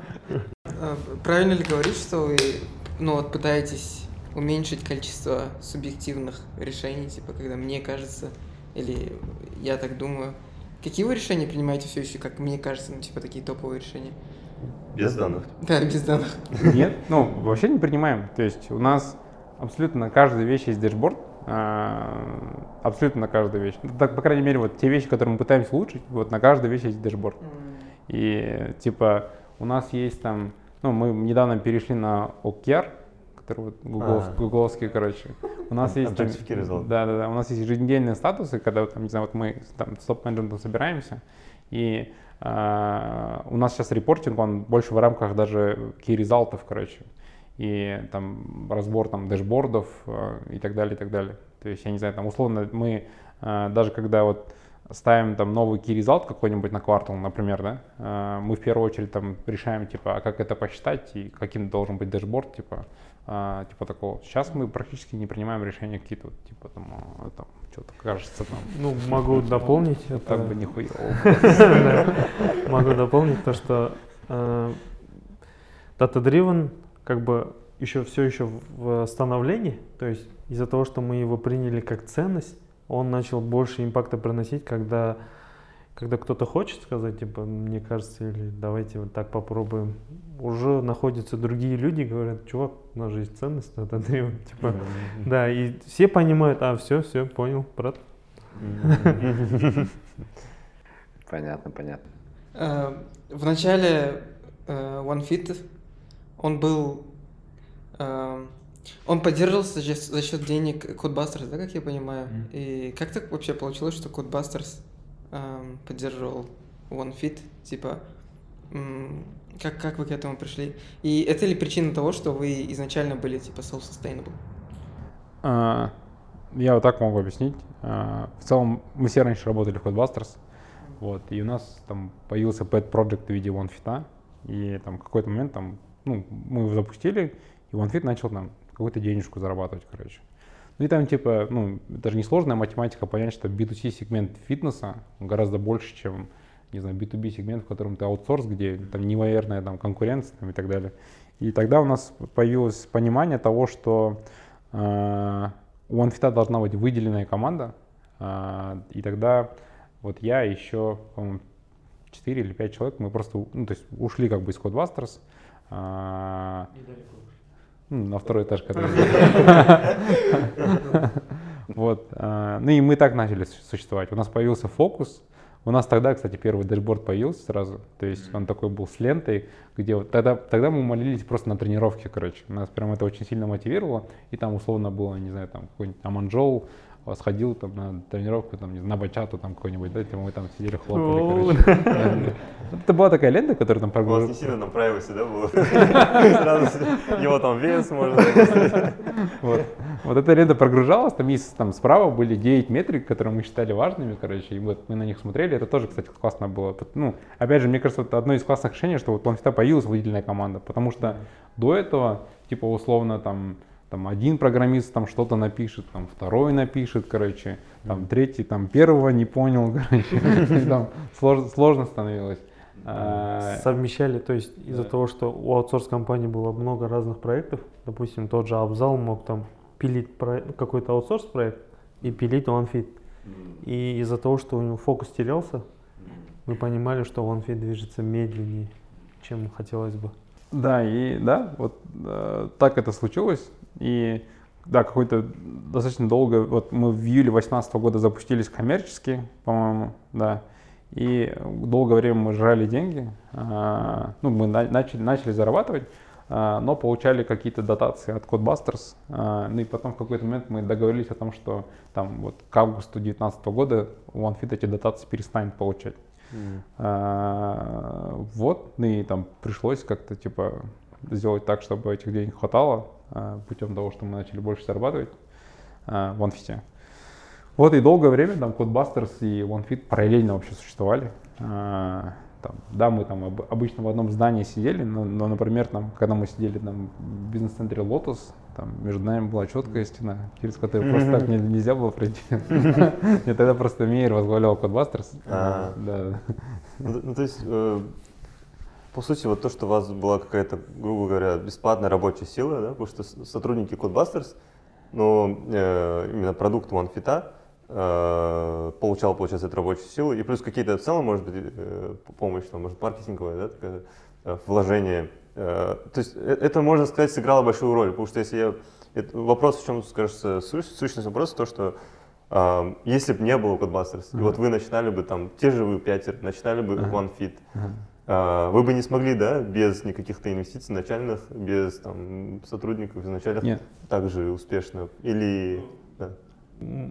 Опять-таки это а, мнение насчет прошлого, да, как Мгм. было бы. У нас, наверное, появился бы Codebusters. То есть я к тому, что мы все умели, ну мы же что-то умели же, то есть мы умели программировать. И если мы понимали, что у OneFit есть будущее и надо его как-то довести до этого, наверное, мы, мы бы стали брать проекты. И из Мгм. этих проектов инвестировать. Ну, опять-таки, понятно. Там случи- самое- случилось там наоборот. Самое главное, что мы просто собрались, типа. Да, Типа это такого. самое главное. Ну, то есть, типа, да, чтобы вот, как сказать, у нас вот первое желание было просто вместе работать, но для того, чтобы вместе работать, мы должны были вместе зарабатывать. Вот, с этого началось, там, не знаю, там, а, по-моему, первый проект мы даже, у нас, ну, прикольно то, что мы получили проект от зарубежной компании, от австралийской. Это, Связано с Вьетнамом. да, да, да. Ну, это, кстати, тоже веселая история. Могу рассказать, если интересно. Да, давайте. Да, да. То есть, вы- А. то есть у вас своя маркетинговая компания была для Codebusters, да? Нет, это было, это было так, что В типа, этом и суть. это, это было так, что мы после работы там собирались э, в коворкинге политеха, политеха. И у нас там было там несколько рабочих столов, там, не знаю, вот территории там, может быть, 2 на 3, короче, примерно. А, Но в целом весь этаж был забит там IT-компанией, тремя IT-компаниями, а, у которых было много программистов. И а, мы получили там сообщение о том, что некий там австралиец приехал в Казахстан, чтобы посмотреть аутсорсинг кома- компании, потому что у него, у него своя компания, которая занимается аутсорсом, и а, иногда у него не хватает объемов, и он готов какие-то вещи отдавать, короче, ну, Мгм. этим компаниям. И у них, у него просто в команде работал казах, который сказал, что в Казахстане есть программисты, они там существуют. Вот, я с ним списался и типа э, организовал, я договорился со всеми на этаже, как будто это все, короче, наша компания. Вот. И я с ним поднялся, я с ним пообщался нормально, короче, вот там, не знаю, здесь вот наши бэкэндеры. Вот, там. Мы про этику, да, до этого говорили? Не, ну чуть-чуть для маркетинга можно. Ну, мы же договорились. Вот. а, И потом а, там самое прикольное было, что типа мы все боролись за один проект, и там были такие же состоявшиеся компании, типа там Crystal Spring, который там банковские приложения пишет, короче. И а, чувак мне пишет, типа, я, я сабмитил какую-то цену достаточно высокую, короче. Сколько примерно? 50 тысяч долларов, что ли. Что-то вот в этих районах. Я им говорю, чувак, там вот другие компании, они кажутся круче, чем ты, короче, они ме- меньше сабмитали. Я им говорю, типа, там, условно, я не хочу побеждать, потому что, типа, я самую низкую цену дал, типа, я хочу победить, потому что у нас самая классная компания, короче, и мы реально заделиверим. В итоге этот проект мы получили. И просто под этот проект людей собрали, студ- студ- студентов в основном. Не, ну самое главное, мы сделали этот проект, э, мы его отдали, э, ну и все нормально в итоге случилось. Вот, и дальше там как-то вот пошло, короче. Но аутсорс это не было целью изначально. То есть аутсорс это была просто причина как-то что-то делать, да? Потому что это то, что мы умели. То есть за все, все эти годы аутсорса, допустим, нас несколько раз кидали. Ну, то есть там какой-то Алашка закажет, а первый транш сделает, там мы уже почти сдаем проект, он говорит, ну все, нету денег. Например, много таких кейсов было. Был кейс, когда мы невольно участвовали в каких-то там махинациях, да, ну, там, тендера, не тендера, мы вообще не хотели участвовать, но э, то есть ты косвенно как-то к этому касаешься, потому что там суп, суп, суп подряд, подряд там, и Мгм. как-то к тебе это попадает, и выясняется, что оказывается там ты там, не знаю, седьмой или какой-то там по счету. Да, ну и еще говоря об этике, типа, а, ну, типа, мы же все люди, которые развиваются же, типа, когда это случалось, там, мне было там 24-25, там, сегодня мне там 32, и, типа, там, понятное время, что за это время там сильно менялся, а, и мне кажется, вот, ну, нельзя, типа, говорить, типа, ну, условно, там, биржа не бинарная же, типа, там, условно, я хороший, и поэтому, ну, но, но чтобы быть хорошим, я, типа, в моем прошлом тоже ничего плохого не должно быть, короче. Вот, э, ну, опять же, типа, ну, э, врать я точно не стану, типа, и буду говорить историю, как, как она есть, э, Мгм. то, что я считаю важным. А, вот, ну, такой момент был, наверное, там, не знаю, там, с точки зрения не- этики не очень, не очень э, правильный, но он такой достаточно веселый, там, где, а, не знаю, там, нам пришлось проявить а, очень большое количество смекалки и сообразительности. Ну, опять же, типа, ну, может, кого-то это замотивирует. э, ну, я, Да-да-да. по крайней мере, с такой надеждой э, рассказывал эту историю. Да, это круто. Это круто. Да. Восемь месяцев назад вы давали интервью, и там а, главный план это был расширение в Америку. Как будто бы, или даже инвестиции были с американских фондов. И на данный момент вы находитесь в Лондоне, а, и кажется то, что вы хотите расшириться здесь. А, Первый вопрос, прежде чем как мы перейдем а, в UK, мы бы хотели узнать именно а, про планы в Америку а, и как вообще пришла идея того, чтобы прийти в Британию, нежели в Америку. Ну, планы по расширению в Америку, они актуальны. А, Там, а, наверное, вот то, что сыграло, это то, что в Лондон просто легче попасть, а, при этом продолжительно здесь находиться, там, открыть бизнес, там, и вот все, что вот с этим связано, гораздо легче. М. Вот, просто мы начали, а, ну, мы поняли, что вот история с Америкой не очень быстрая, а нам вот как стартапу нужно достаточно часто вот какие-то майлстоуны закрывать, связанные вот с развитием, короче. Ну, вот в Центральной Азии не осталось ничего, что мы можем еще круче сделать, ну, достаточно значимого, короче. Там, не знаю, там, условно, да, мы сейчас там зарабатываем там в год там 12 миллионов, но зарабатываем мы 12 или 20, вообще разницы нет. Ну, типа, ну, то есть Мгм. ты просто как уже зрелая компания, просто растешь, там, принимая качественные решения, да. Вот. э, И с этой точки зрения нам, нам, нужно, нам нужен был запуск в понятной для инвестора э, географии, э, и Лондон один из таких. И, наверное, вот размышляя о том, как мы принимали решения, э, то там был ряд факторов. Для нас крайне важно, чтобы здесь был конкурент. Потому что наличие конкурента означает, что там рынок уже существует, там есть спрос, и типа тот спрос, который ты можешь там утилизировать или там превратить в свой ревень, да, условно. Мгм. Вот здесь у нас а, сколько, четыре конкурента, ну, и, возможно, больше, я не знаю. Ну, про четырех мы знаем точно. Да, да. по четырех мы знаем точно. Плюс мы э, ClassPass очень долгое время парсили. Э, мы знаем, что Лондон их самый крупный город с точки зрения юзаджа. А, вот, ну и вот Что такое класс-пас?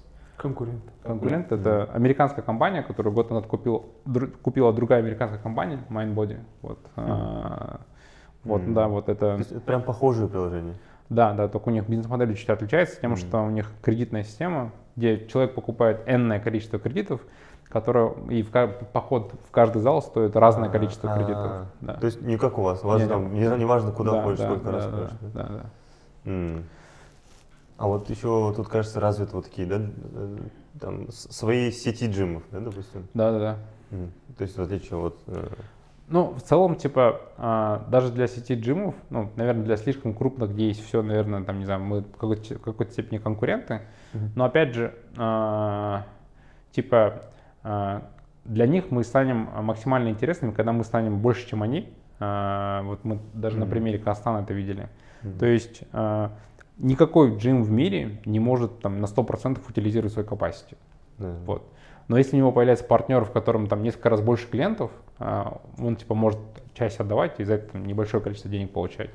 Ну, ну, как, как бизнес, там, бизнес, бизнес хочет типа максимально утилизировать свой capacity. Мгм. Вот. То есть у вас модель до сих пор такая же, что вы платите джимам именно? Да, не да. берете да, с Нет, них нет. оплату за то, что вот. Нет, Мгм. нет, нет. И Вот. вот. вот эту вещь в Лондоне еще лучше понимают, допустим, чем, допустим, в Средней Азии, да? Мгм. Когда вот общаешься с джимами, когда ты им объясняешь, он говорит, «Во- вообще не проблема, давайте работать. То есть для нас как бы любой источник дополнительного дохода это лучше, чем ничего.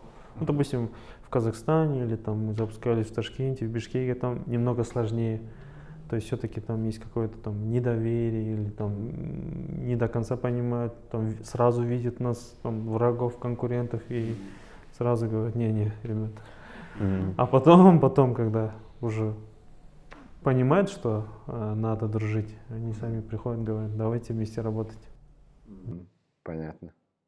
Вот э, основные данные, которые вы использовали, э, приходить сюда, это, во-первых, насколько легко э, сюда приехать, да, а во-вторых, это сколько конкурентов, а еще какие-то интересные данные вы вообще использовали, так как вы data-driven?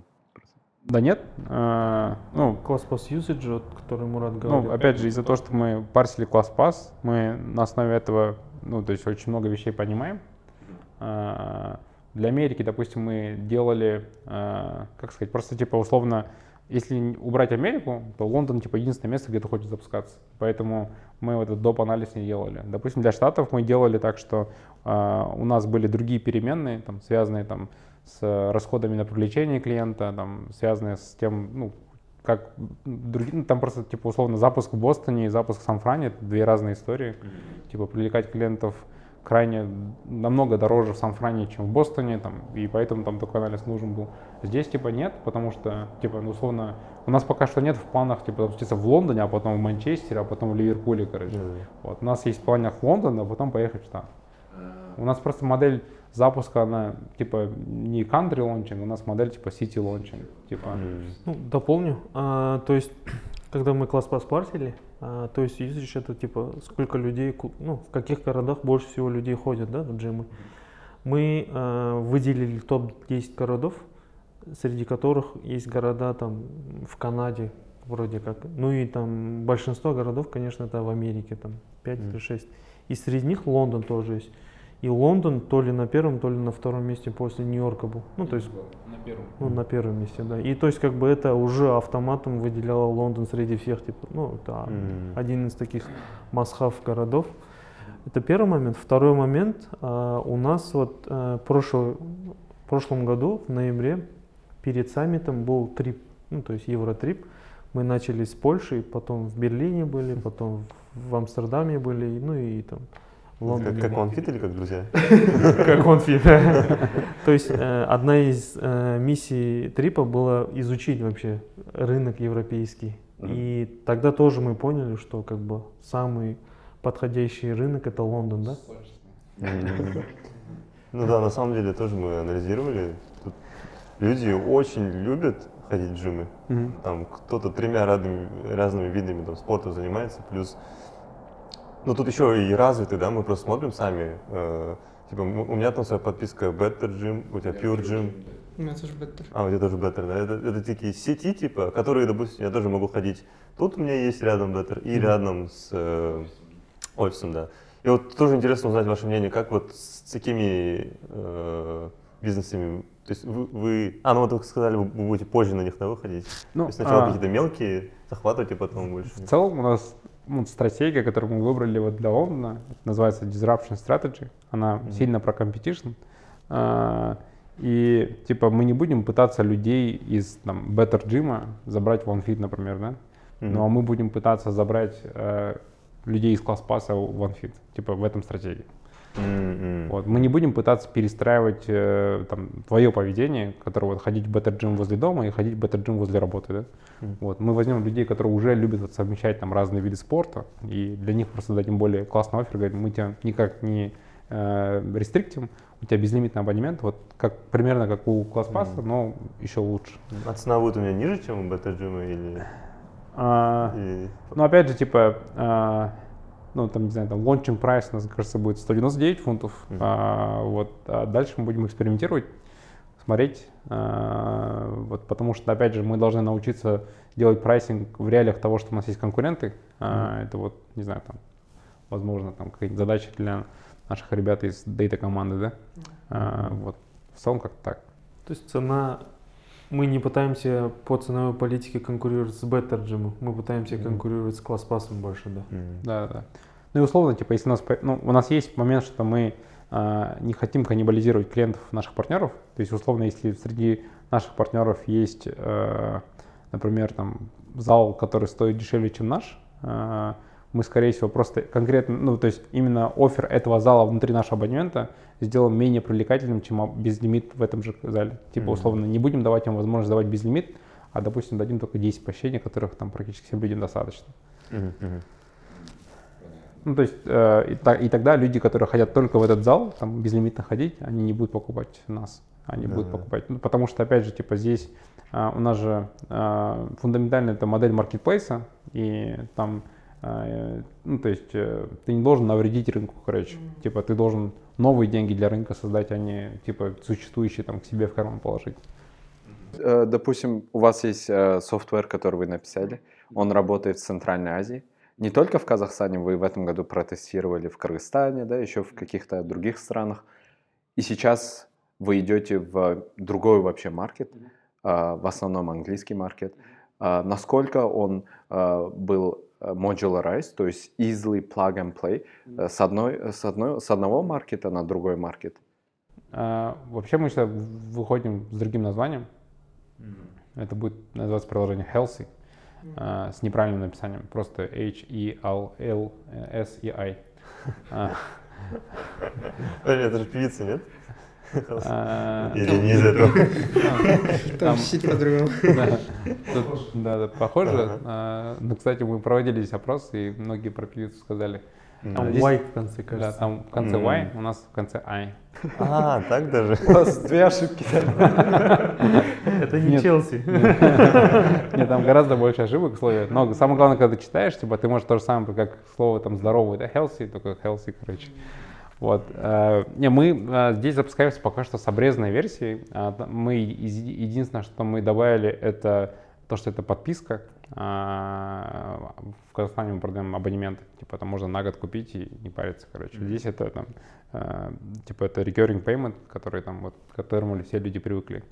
Mm-hmm. Плюс мы географически сконцентрируемся вот на центральных Бороу Лондона, в которых там сфокусировано, сконцентрировано наибольшее количество юзеров а, класс-пасса.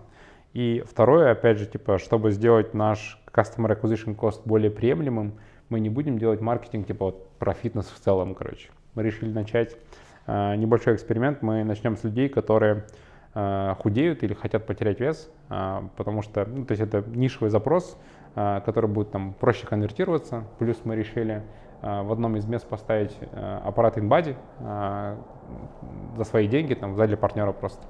Э, Оказалось, что в Лондоне у этой штуки очень высокий value, потому что он там в среднем стоит 150 фунтов там, за один поход. Мы просто его будем бесплатно давать, чтобы люди просто приходили, и там его онбордили. Вот такой у нас такой, не знаю. А там, а что это, что за аппарат? Это Body Composition Analysis. А, а. Да. Это на котором встаешь, да? Да, Встаешь, Потом держишь, приложением. по тебе, нет, по тебя А. под током бьют, и.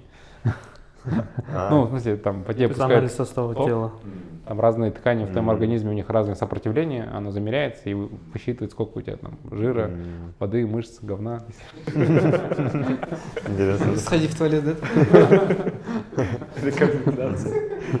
То есть у вас отдельное э, приложение, и которое отдельная команда из Казахстана будет пилить отдельные приложения для UK? Или это то же самое приложение, просто подстраивается под локацию и там... А, Продуктовая команда будет выделена чисто под Лондон, а, потому что очень важно, ну, то есть являясь в Лондоне, типа, стартапом на ранней стадии, который там хочет найти свой продукт market fit, мы должны действовать как стартап, который хочет найти, ну, на ранней стадии, короче. Мгм. Поэтому мы хотим, а, ну, во-первых, там вопрос Лондона вовлечено гораздо меньше людей, которые, ну, и мы будем стараться вот ре- реплицировать там, наше раннее поведение, когда Мгм. там, не знаю, там мы вот утром что-то у нас какая-то гипотеза появилась, там к обеду мы это запилили, там к вечеру это зарелизили, там, а поздней ночью мы это еще и замерили, короче. Вот. Будем пытаться это в какой-то степени там реплицировать. А, Понятное дело, что, наверное, не так радикально, как мы это могли делать раньше. Вот. Но в целом, то есть, да, мы хотим сделать так, чтобы, а, то есть, типа, мы не можем, вот условно, типа, то есть, то, как мы сейчас, допустим, на уровне холдинга решение принимаем, оно не может работать для Лондона. Вот здесь мы должны это делать гораздо быстрее. А вообще, как в Казахстане и в Центральной Азии ваш стартап сейчас, А, так как вы сейчас находитесь здесь, а, она также двигается очень быстро, или вы уже начинаете чувствовать то, что нехватка вас двоих, допустим, а, в том маркете а, на каждодневной основе как-то влияет на здоровье вашего стартапа? А, Да нет, не влияет. Ну, то есть, опять же, я считаю, что мы собрали очень сильную команду топ-менеджмента, э, как минимум, э, которая со своими задачами справляется. То есть сейчас у Центральной Азии в целом есть один руководитель, э, это Виталий Котельников. Вот. Ну, я, я не знаю, то есть я там, раз в неделю с ним созваниваюсь лично, раз в неделю в рамках там, топ-менеджмента мы собираемся, там, OKR статусы проводим. Ну и у меня нет ощущения, что типа что-то сильно поменялось. А, Добавлю то, что вот э, как только мы приняли систему OKR, кажется, вот это сейчас сильно нам помогает, потому что все уже прописано, все на бумагах, и каждый отдел просто знает, что от него хотят, и просто в рамках OKR двигается. На каждый квартал вы записываете Да, или то есть на есть годовой, неделю? его А, окей. дробим на каждый квартал, Мгм. а из этого уже каждый отдел себе забирает, типа, что он может. Ну и как бы наша задача остается просто контролировать, насколько это идет правильно или неправильно. Ну и как раз вот Виталий, он, он контролирует, чтобы это там все исполнялось, выполнялось, как бы достигали OKR. Ну, в этом плане спасибо Гуглу. Ну, в Лондоне у нас просто сейчас немножко обя- обязанности меняются в сторону того, что мы там а, снова работаем ручками. Вот. а, Ну, у нас тут всего четверо, типа, и, ну, это интереснее даже в какой-то степени, наверное. Ну и прикольно. Но у у нас вот, наверное, весь февраль, вот, знаешь, э, знаете, было такое ощущение, что ничего не меняется, короче, потому что у нас компания долго открывалась, счет долго открывался, короче. И а, очень сильно не хватало вот каких-то вот еже- ежедневных каких-то мини-результатов, которые там условно там дают тебе, во-первых, уверенность, Мгм. а во-вторых, там, не знаю, там мотивацию, там, завтра там что-то делать быстрее, короче. Вот у нас буквально на прошлой неделе начали подписываться первые партнеры, и кажется, вот сейчас э, самая интересная пора начнется, потому что, во-первых, нам нужно за- запуститься. Вот пока мы не запустимся, мы не можем сбрить усы. Акция. Да, да, да. А, Вот, ну, опять же, как еще одна там мотивация, короче. Иметь какие-то маленькие результаты вообще э, даже делает какой-то майнд-трик, да? То, что, о, завтра проснуться и что-то делать еще больше мотивации. Да, да, да, да. Ну, то есть, типа, условно, вот представь, что ты, типа, готовишься к запуску, там, ты придумываешь какую-то, там, не знаю, там, acquisition модель, там, ну, мы там обсуждаем с Антоном, там, вот так будет, короче, там, мы нашли какую-то там опишку, которая там мил планы делает, короче, Э, ну, это, опять же, в, в рамках, типа, acquisition мы это обсуждаем, и ты, типа, не понимаешь, типа, насколько это срочно делать, короче. Ну, типа, партнеры еще не подключаются, вот, э, и- а сейчас там ты уже понимаешь, что это вот идет, а, у нас вот для этого необходимые пререквизиты, они случились, а, и вот этих вот маленьких результатов сильно не хватало там, мне лично там, в феврале, да, то есть, не знаю, там, А вот еще вопрос такой насчет э, под прихода в Лондон, Э, вот касательно как раз подключения партнеров. У вас есть какой-то специалист местный, который, допустим, как какие-то вам адвайзеры дает, адвайзер, может, по маркетинговым каналам, как там, выходить с партнерами, или как маркетинг на там, клиентов, на кастомеров, или у вас вот э, как раз метод проб и ошибок, или вы там со своими уже опытом в Казахстане, и как вы подходите к, к этому? Тут у нас есть Фархот. А, Фархот был нашим general менеджером в Ташкенте. Фархот э, уже жил в Лондоне, по-моему, 8 лет. А, Ну и или 6, Ну, или 8, короче, неважно. Вот. а, И в целом, типа, он сейчас за это отвечает. Ну и там, ну, то есть, э, понятное дело, что мы кого-то будем брать на работу. Там, в частности, мы сейчас активно пытаемся разговаривать с сотрудниками класс Вот, они нам какие-то вещи интересные рассказывают, то есть э, во время интервью там просто вопросы задаешь. Даже сотрудника не надо, да, в конце? Все узнал. Привезу казаха, стоит. Запоминай. Вот, а, ну, на самом деле, а, в какой-то степени, наверное, вот даже с точки зрения там маркетинга, запуска, всего остального, мы все-таки пытаемся сейчас больше основываться на нашем личном опыте и знаниях, экспертизе какой-то. Ну, типа, условно, в мире же нет, типа, не так много экспертов, которые умеют единые а- фитнес-абонементы на новых рынках запускать, да. Там, понятное дело, что нам было бы интересно с, каким-нибудь там топом, который там запускал, там, ну, я находил их таких просто, которые, там, допустим, были там джемом, там, Лондона в Класспасе, там, когда он только здесь появился, короче, там, ну, я даже написал ему действительно, но он не ответил, надеюсь, надеюсь ответит когда-нибудь. Вот, наверное, такие знания, ну, опять же, мы вот в постоянном поиске вот таких полезных контактов, а, вот, на, даже если мы такие контакты там, не знаю, вовремя не получим, то мы, наверное, там просто будем запускаться. Не, ну да, тут самое главное двигаться. То есть на каждый день есть какие-то планы. Давайте сегодня попробуем вот это, давайте сегодня попробуем другое, да, то есть ну, даже вот открытие компании, да, там попробовали с, одни- с одной юридической компанией, они очень долго делают там KYC проводят, кто вы из Казахстана, там, какие у вас связи с Россией, не с Россией, ну, короче, тут свои геморрой. И вот потом нашли других юристов, ну и вот так, то есть каждый день главное что-то пробовать, там, пытаться, пытаться и, ну, цель есть, Мгм. просто движемся. А то, что вы развивались в, в России, вы там запустились? Да. Запустились. Вот это не помешало вам здесь находить новых инвесторов или запускаться здесь? Нет, ну мы же закрыли этот бизнес. Это наоборот, да? Вот мы не поддерживаем. А, но опять же, типа, для нас это а, было решение а, по соображениям совести, но так совпало, что типа это правильное, отнош... ну, правильное решение и, в принципе, там, бизнесовое. Вот, а, да. А тогда там мы запустились, у нас были юзеры, они ходили в залы. 8, месяцев мы там работали. Понятно. Но опять же, типа, запускаться в Питере, это вообще, это вот, я не знаю, супер какая-то тягомотная штука была. А, не знаю, там, Ну, э, там было куча там, прикольных историй, типа вот, ну, мы сняли там офис на там, достаточно классном коворкинге, э, и вот мы утром с Мейером там, заходим туда, короче, ну, с рюкзаками, как положено, то есть это же вот примерно типичный вид, там, не знаю, кто в IT-компании работает, у всех один тот же, да? Да-да-да. Типа он там примерно вот спортивно одет, и у него есть рюкзак, короче. А, Нас приняли за курьеров, потому что, ну, в Питере очень много курьеров, там, типа из Киргизии, там, не знаю, там, и так далее, и так далее.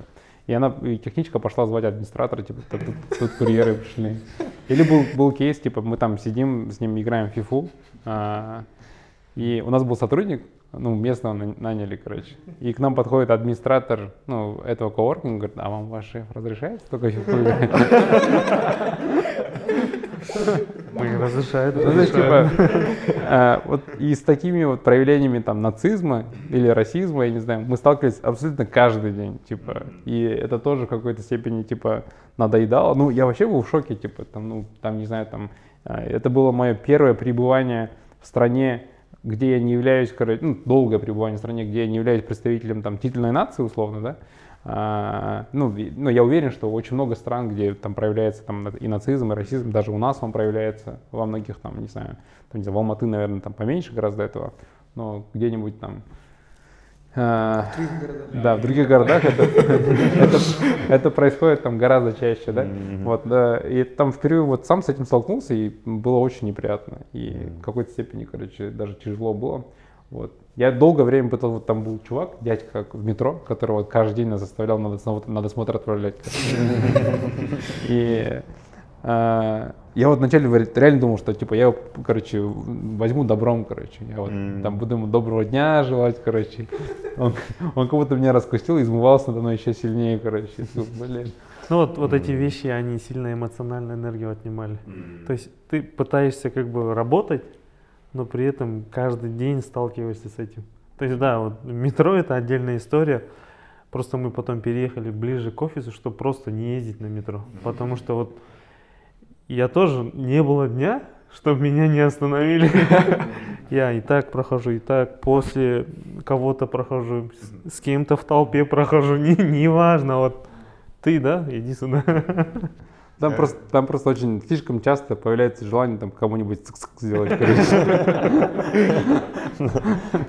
У нас, когда мы тоже в Москву ездили на э, сборы по программированию, и тогда тоже у нас был один пацан, просто он чуть с бородой. И именно его, всех нас, именно его всегда звали. Он уже нервный ходит, там неделя прошла, он уже, он уже знает, что заходит. И, и, и- и самое бесит же то, что именно выборочный, да? Не то, что, ладно, все проходили бы, а тут выборочно говорят, да. Наверное, неприятно. И для стартапов энергия это же вообще главный ресурс. Если вы вообще тратите энергию на такие мелочи, это ужасно. Да. В этом плане Лондон, мне кажется, очень э, дружелюбный. По крайней Да, он мере, не так супер, супер мультикультурный. Э, И, ну, я не знаю, это все... Я просто... Вот одна из наших там первых прогулок э, в Лондоне, вот, кажется, вот как раз на ужин с Нуржаном шли, и вот пока я шел, там я там какого-то все языки мира услышал, там, не знаю, там, э, там, не знаю, русский, турецкий, там, и так далее, и так далее. И в целом мне это показалось очень прикольно. Тут еще люди настолько понимающие, что, типа, допустим, некоторые с каким-то акцентом или быстро на английском, когда разговаривают, ты начинаешь уже не понимать. Мгм. Ты говоришь, можно Мгм. помедленней? Он спокойно тебе это все обратно объяснит. Ну, нормально, без всяких. И в этом плане, да, Лондон, Лондон, конечно, крут. Да, круто. Э, Чуть-чуть э, другая тема, отойду от темы. Э, OneFit сейчас является одним из таких примером агрессивной рекламы, да, агрессивного маркетинга. Обожаю план. Да, типа, и очень креативной рекламой. И на самом деле его стало много, наверное, после того, как мы уже переехали, потому что мы не застали. Э, Я лично не застал, но сейчас прям везде говорят о том, что там реклама OneFit, там постоянно на ютубе, все такое. И э, какие у вас планы вообще на, на UK? Будете ли вы так, так же агрессивно э, давать рекламу здесь? Ну, э, во-первых, у нас денег, наверное, не хватит, чтобы засрать, засрать YouTube в Лондоне. Это раз. Ну, опять же, типа, мы здесь, как сказать, вот, типа в Казахстане не было такого, что вот, типа, вот я есть, вот есть я, который вот долбоеб, и он там любит, короче, прикольные штуки придумывать, короче. Это, это все больше строилось на основе, вот опять же, типа, какого-то вот аналитического подхода, когда, типа, условно, ты а, пишешь какое-то сообщение в пуше, там просто долгое время пуши отправлял я, короче, ну, там, часть из них написал абзал, который вот после тренировки ты именно получаешь, mm-hmm. но условно, типа, с каким-то оффером написать так, чтобы, типа, ну, у меня нет же денег, типа, на то, чтобы там какой-то офер там платно продвигать. Поэтому я пытаюсь там, весь свой креатив проявить путем того, что я там пишу что-то, смотрю на конверсию там, или, допустим, э, там, смотрю на историю, типа, пушей, э, просматриваю каждый, там, пытаюсь выявить паттерн, типа, который там mm. лучше влияет на людей, да. Так я, допустим, выяснил, что вот очень прикольно людей Жаном называть, короче. Типа, ты пишешь Жаном, короче, там, не знаю, там, там, ну, а, это там породило кучу там, типа, там, мемов в Инстаграме, типа, там, даже, типа, жена меня так не называет, там. Там был реальный кейс, когда, типа, условно, там, по-моему, а, мужику пришел наш пуш, короче, который он смахнул, короче, но жена увидела Жанном, короче. Нечаянно разбили семью. Вот, а, ну, типа, и это больше строилось на том, что, типа, вот, типа, это работало, а, и оно так постепенно развивалось, короче. И, в принципе, типа, когда, когда можно делать а, какой-то вот, я не знаю, там, бесхарактерный контент и продвигать его платно, и это будет очень дорого.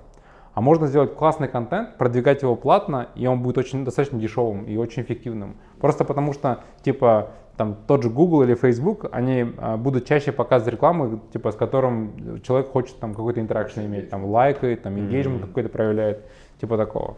Поэтому в целом а, концепция там, не знаю, там прикольности, я думаю, что она не очень правильно вот воспринимается людьми, типа, что вот есть какие-то вот команда там маркетинга OneFit, вот, которые вот, вот именно они, вот эти вот проходимцы, короче, сидят и придумывают, короче. Нет, это эксперименты такие же. То есть все наши спецпроекты, типа, а, они бы не продолжались, если бы они не были бы типа экономически обоснованными, да. Mm-hmm. А, типа особенно в маркетинге, то есть я не знаю, в маркетинге у нас очень много аналитики и типа каждый спецпроект считается, типа там сколько мы потратили, сколько мы лидов привели, сколько из них конвертнулось в продажи, сколько нам денег принесло там и так далее и так далее.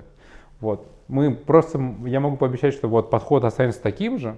А, вот если это будет, опять же, приведет к какой-то прикольности контента там в Лондоне, понятное дело, что мы сейчас ну, в этом составе, наверное, точно не станем делать это, просто потому что, типа, мы не понимаем там всех тонкостей менталитета, там, мы можем mm. очень легко кого-то обидеть, да, то есть это здесь уже немножко другой там culture, там, не знаю, там, cancel culture, там, и так далее.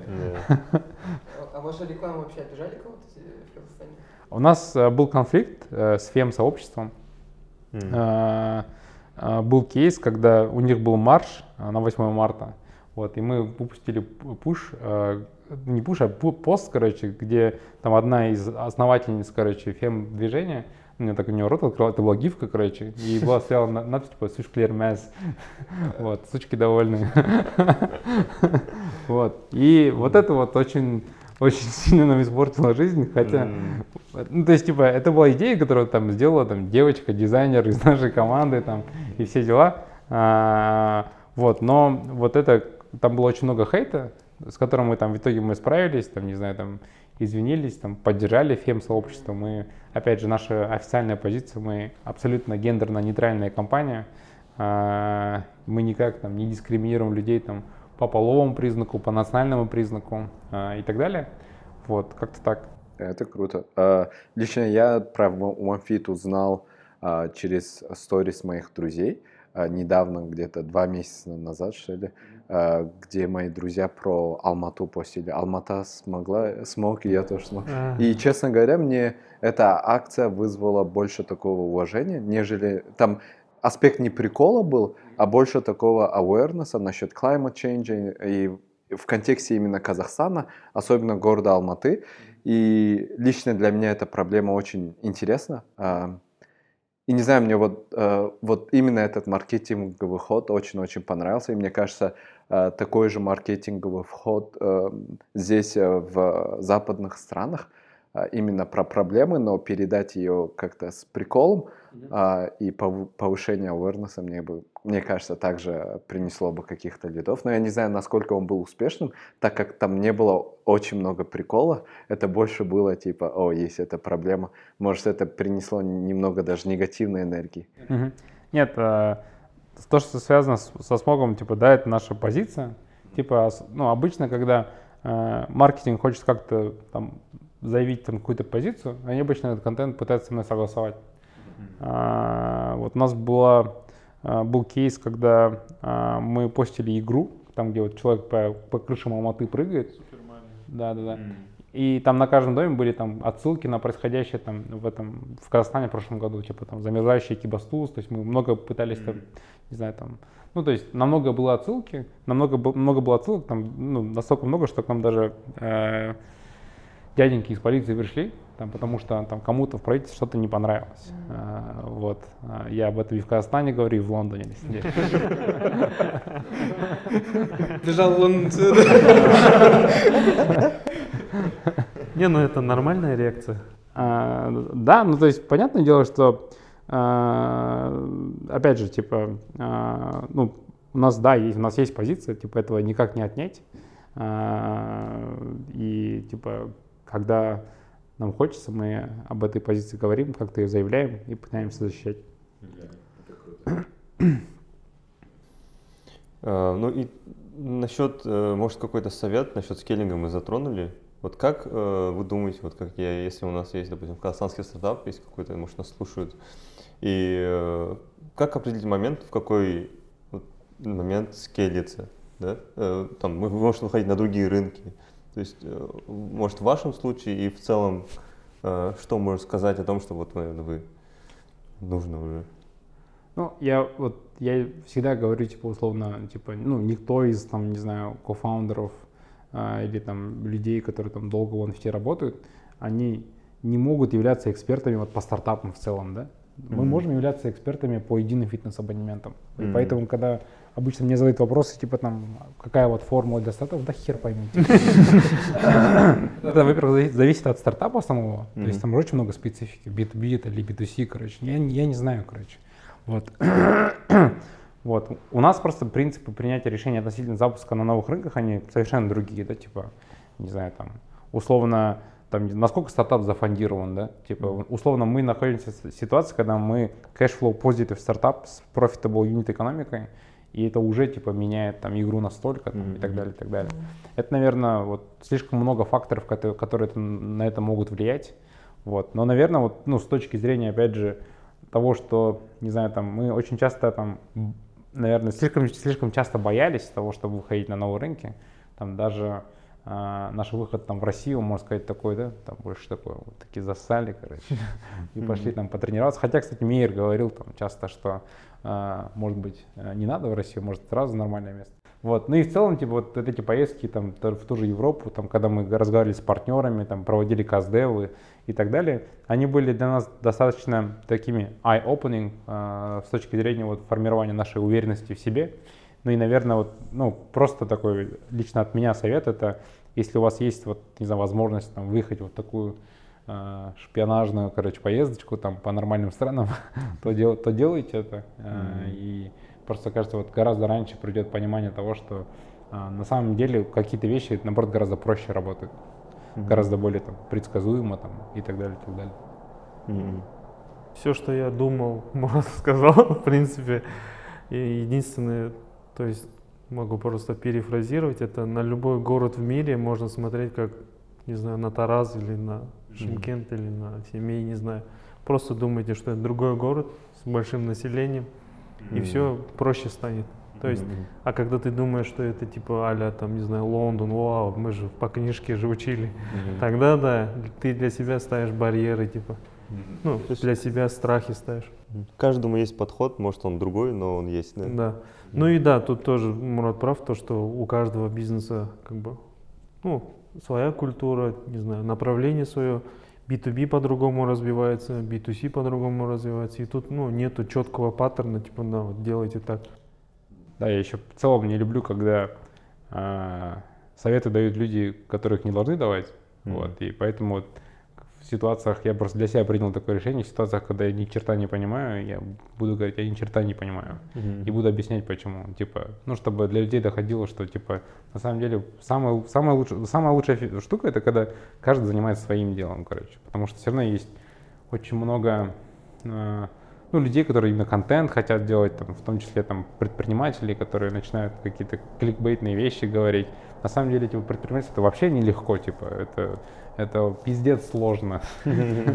Это вообще не для каждого, да, типа, вот. э, Нету строгого графика, да, работы там. да, да, да, да, да. И типа, ну, не бывает истории, когда стартапы там становятся очень, ну, да, не бывает, но это какие-то вот исключительные там случаи, когда а, стартап вот испытал на себе какой-то неимоверно большой там external, там unfair advantage, да, типа там, не знаю, там компания по телемедицине стала огромной, когда случилась пандемия, и никто из дома выйти не может, да, типа такого. Вот. Но не было компаний, которые типа вот, вот за один день за счет своей гениальности вот так вот выросли, короче. Там все проходят вот через огонь, там, воду и медные трубы. А, и у нас было так же. И мне кажется, вот эту, эту штуку надо очень хорошо понимать. Ну, ну, для казахстанских компаний могу сказать, что Казахстан это хорошее место для тестирования каких-то гипотез, да, то есть, то есть там легко можно, ну, не знаю, какую-то свою идею провалидировать, то есть в этом плане можно чуть дешевле это все сделать. А потом, когда ты уже понимаешь, что, ну, вроде вещь работает, Но если ты не хочешь, чтобы у тебя было сложно, покупай наш тренинг. Мы открываем наш новый. Мгм. Да. Ну, Тогда, в принципе, думаю, наш подкаст потихоньку подошел к концу. А, Спасибо большое, что пришли. А, Было очень, мне кажется, продуктивно для нас, для зрителей. И спасибо зрителям, что слушали нас. Надеюсь, вам понравилось. А, Пишите комментарии, ставьте лайки, подписывайтесь. Мы всю информацию ну, дадим, но мне кажется, скорее уже наоборот от вас к нам придут. Всем спасибо, всем пока. Да, всем пока, пока. спасибо.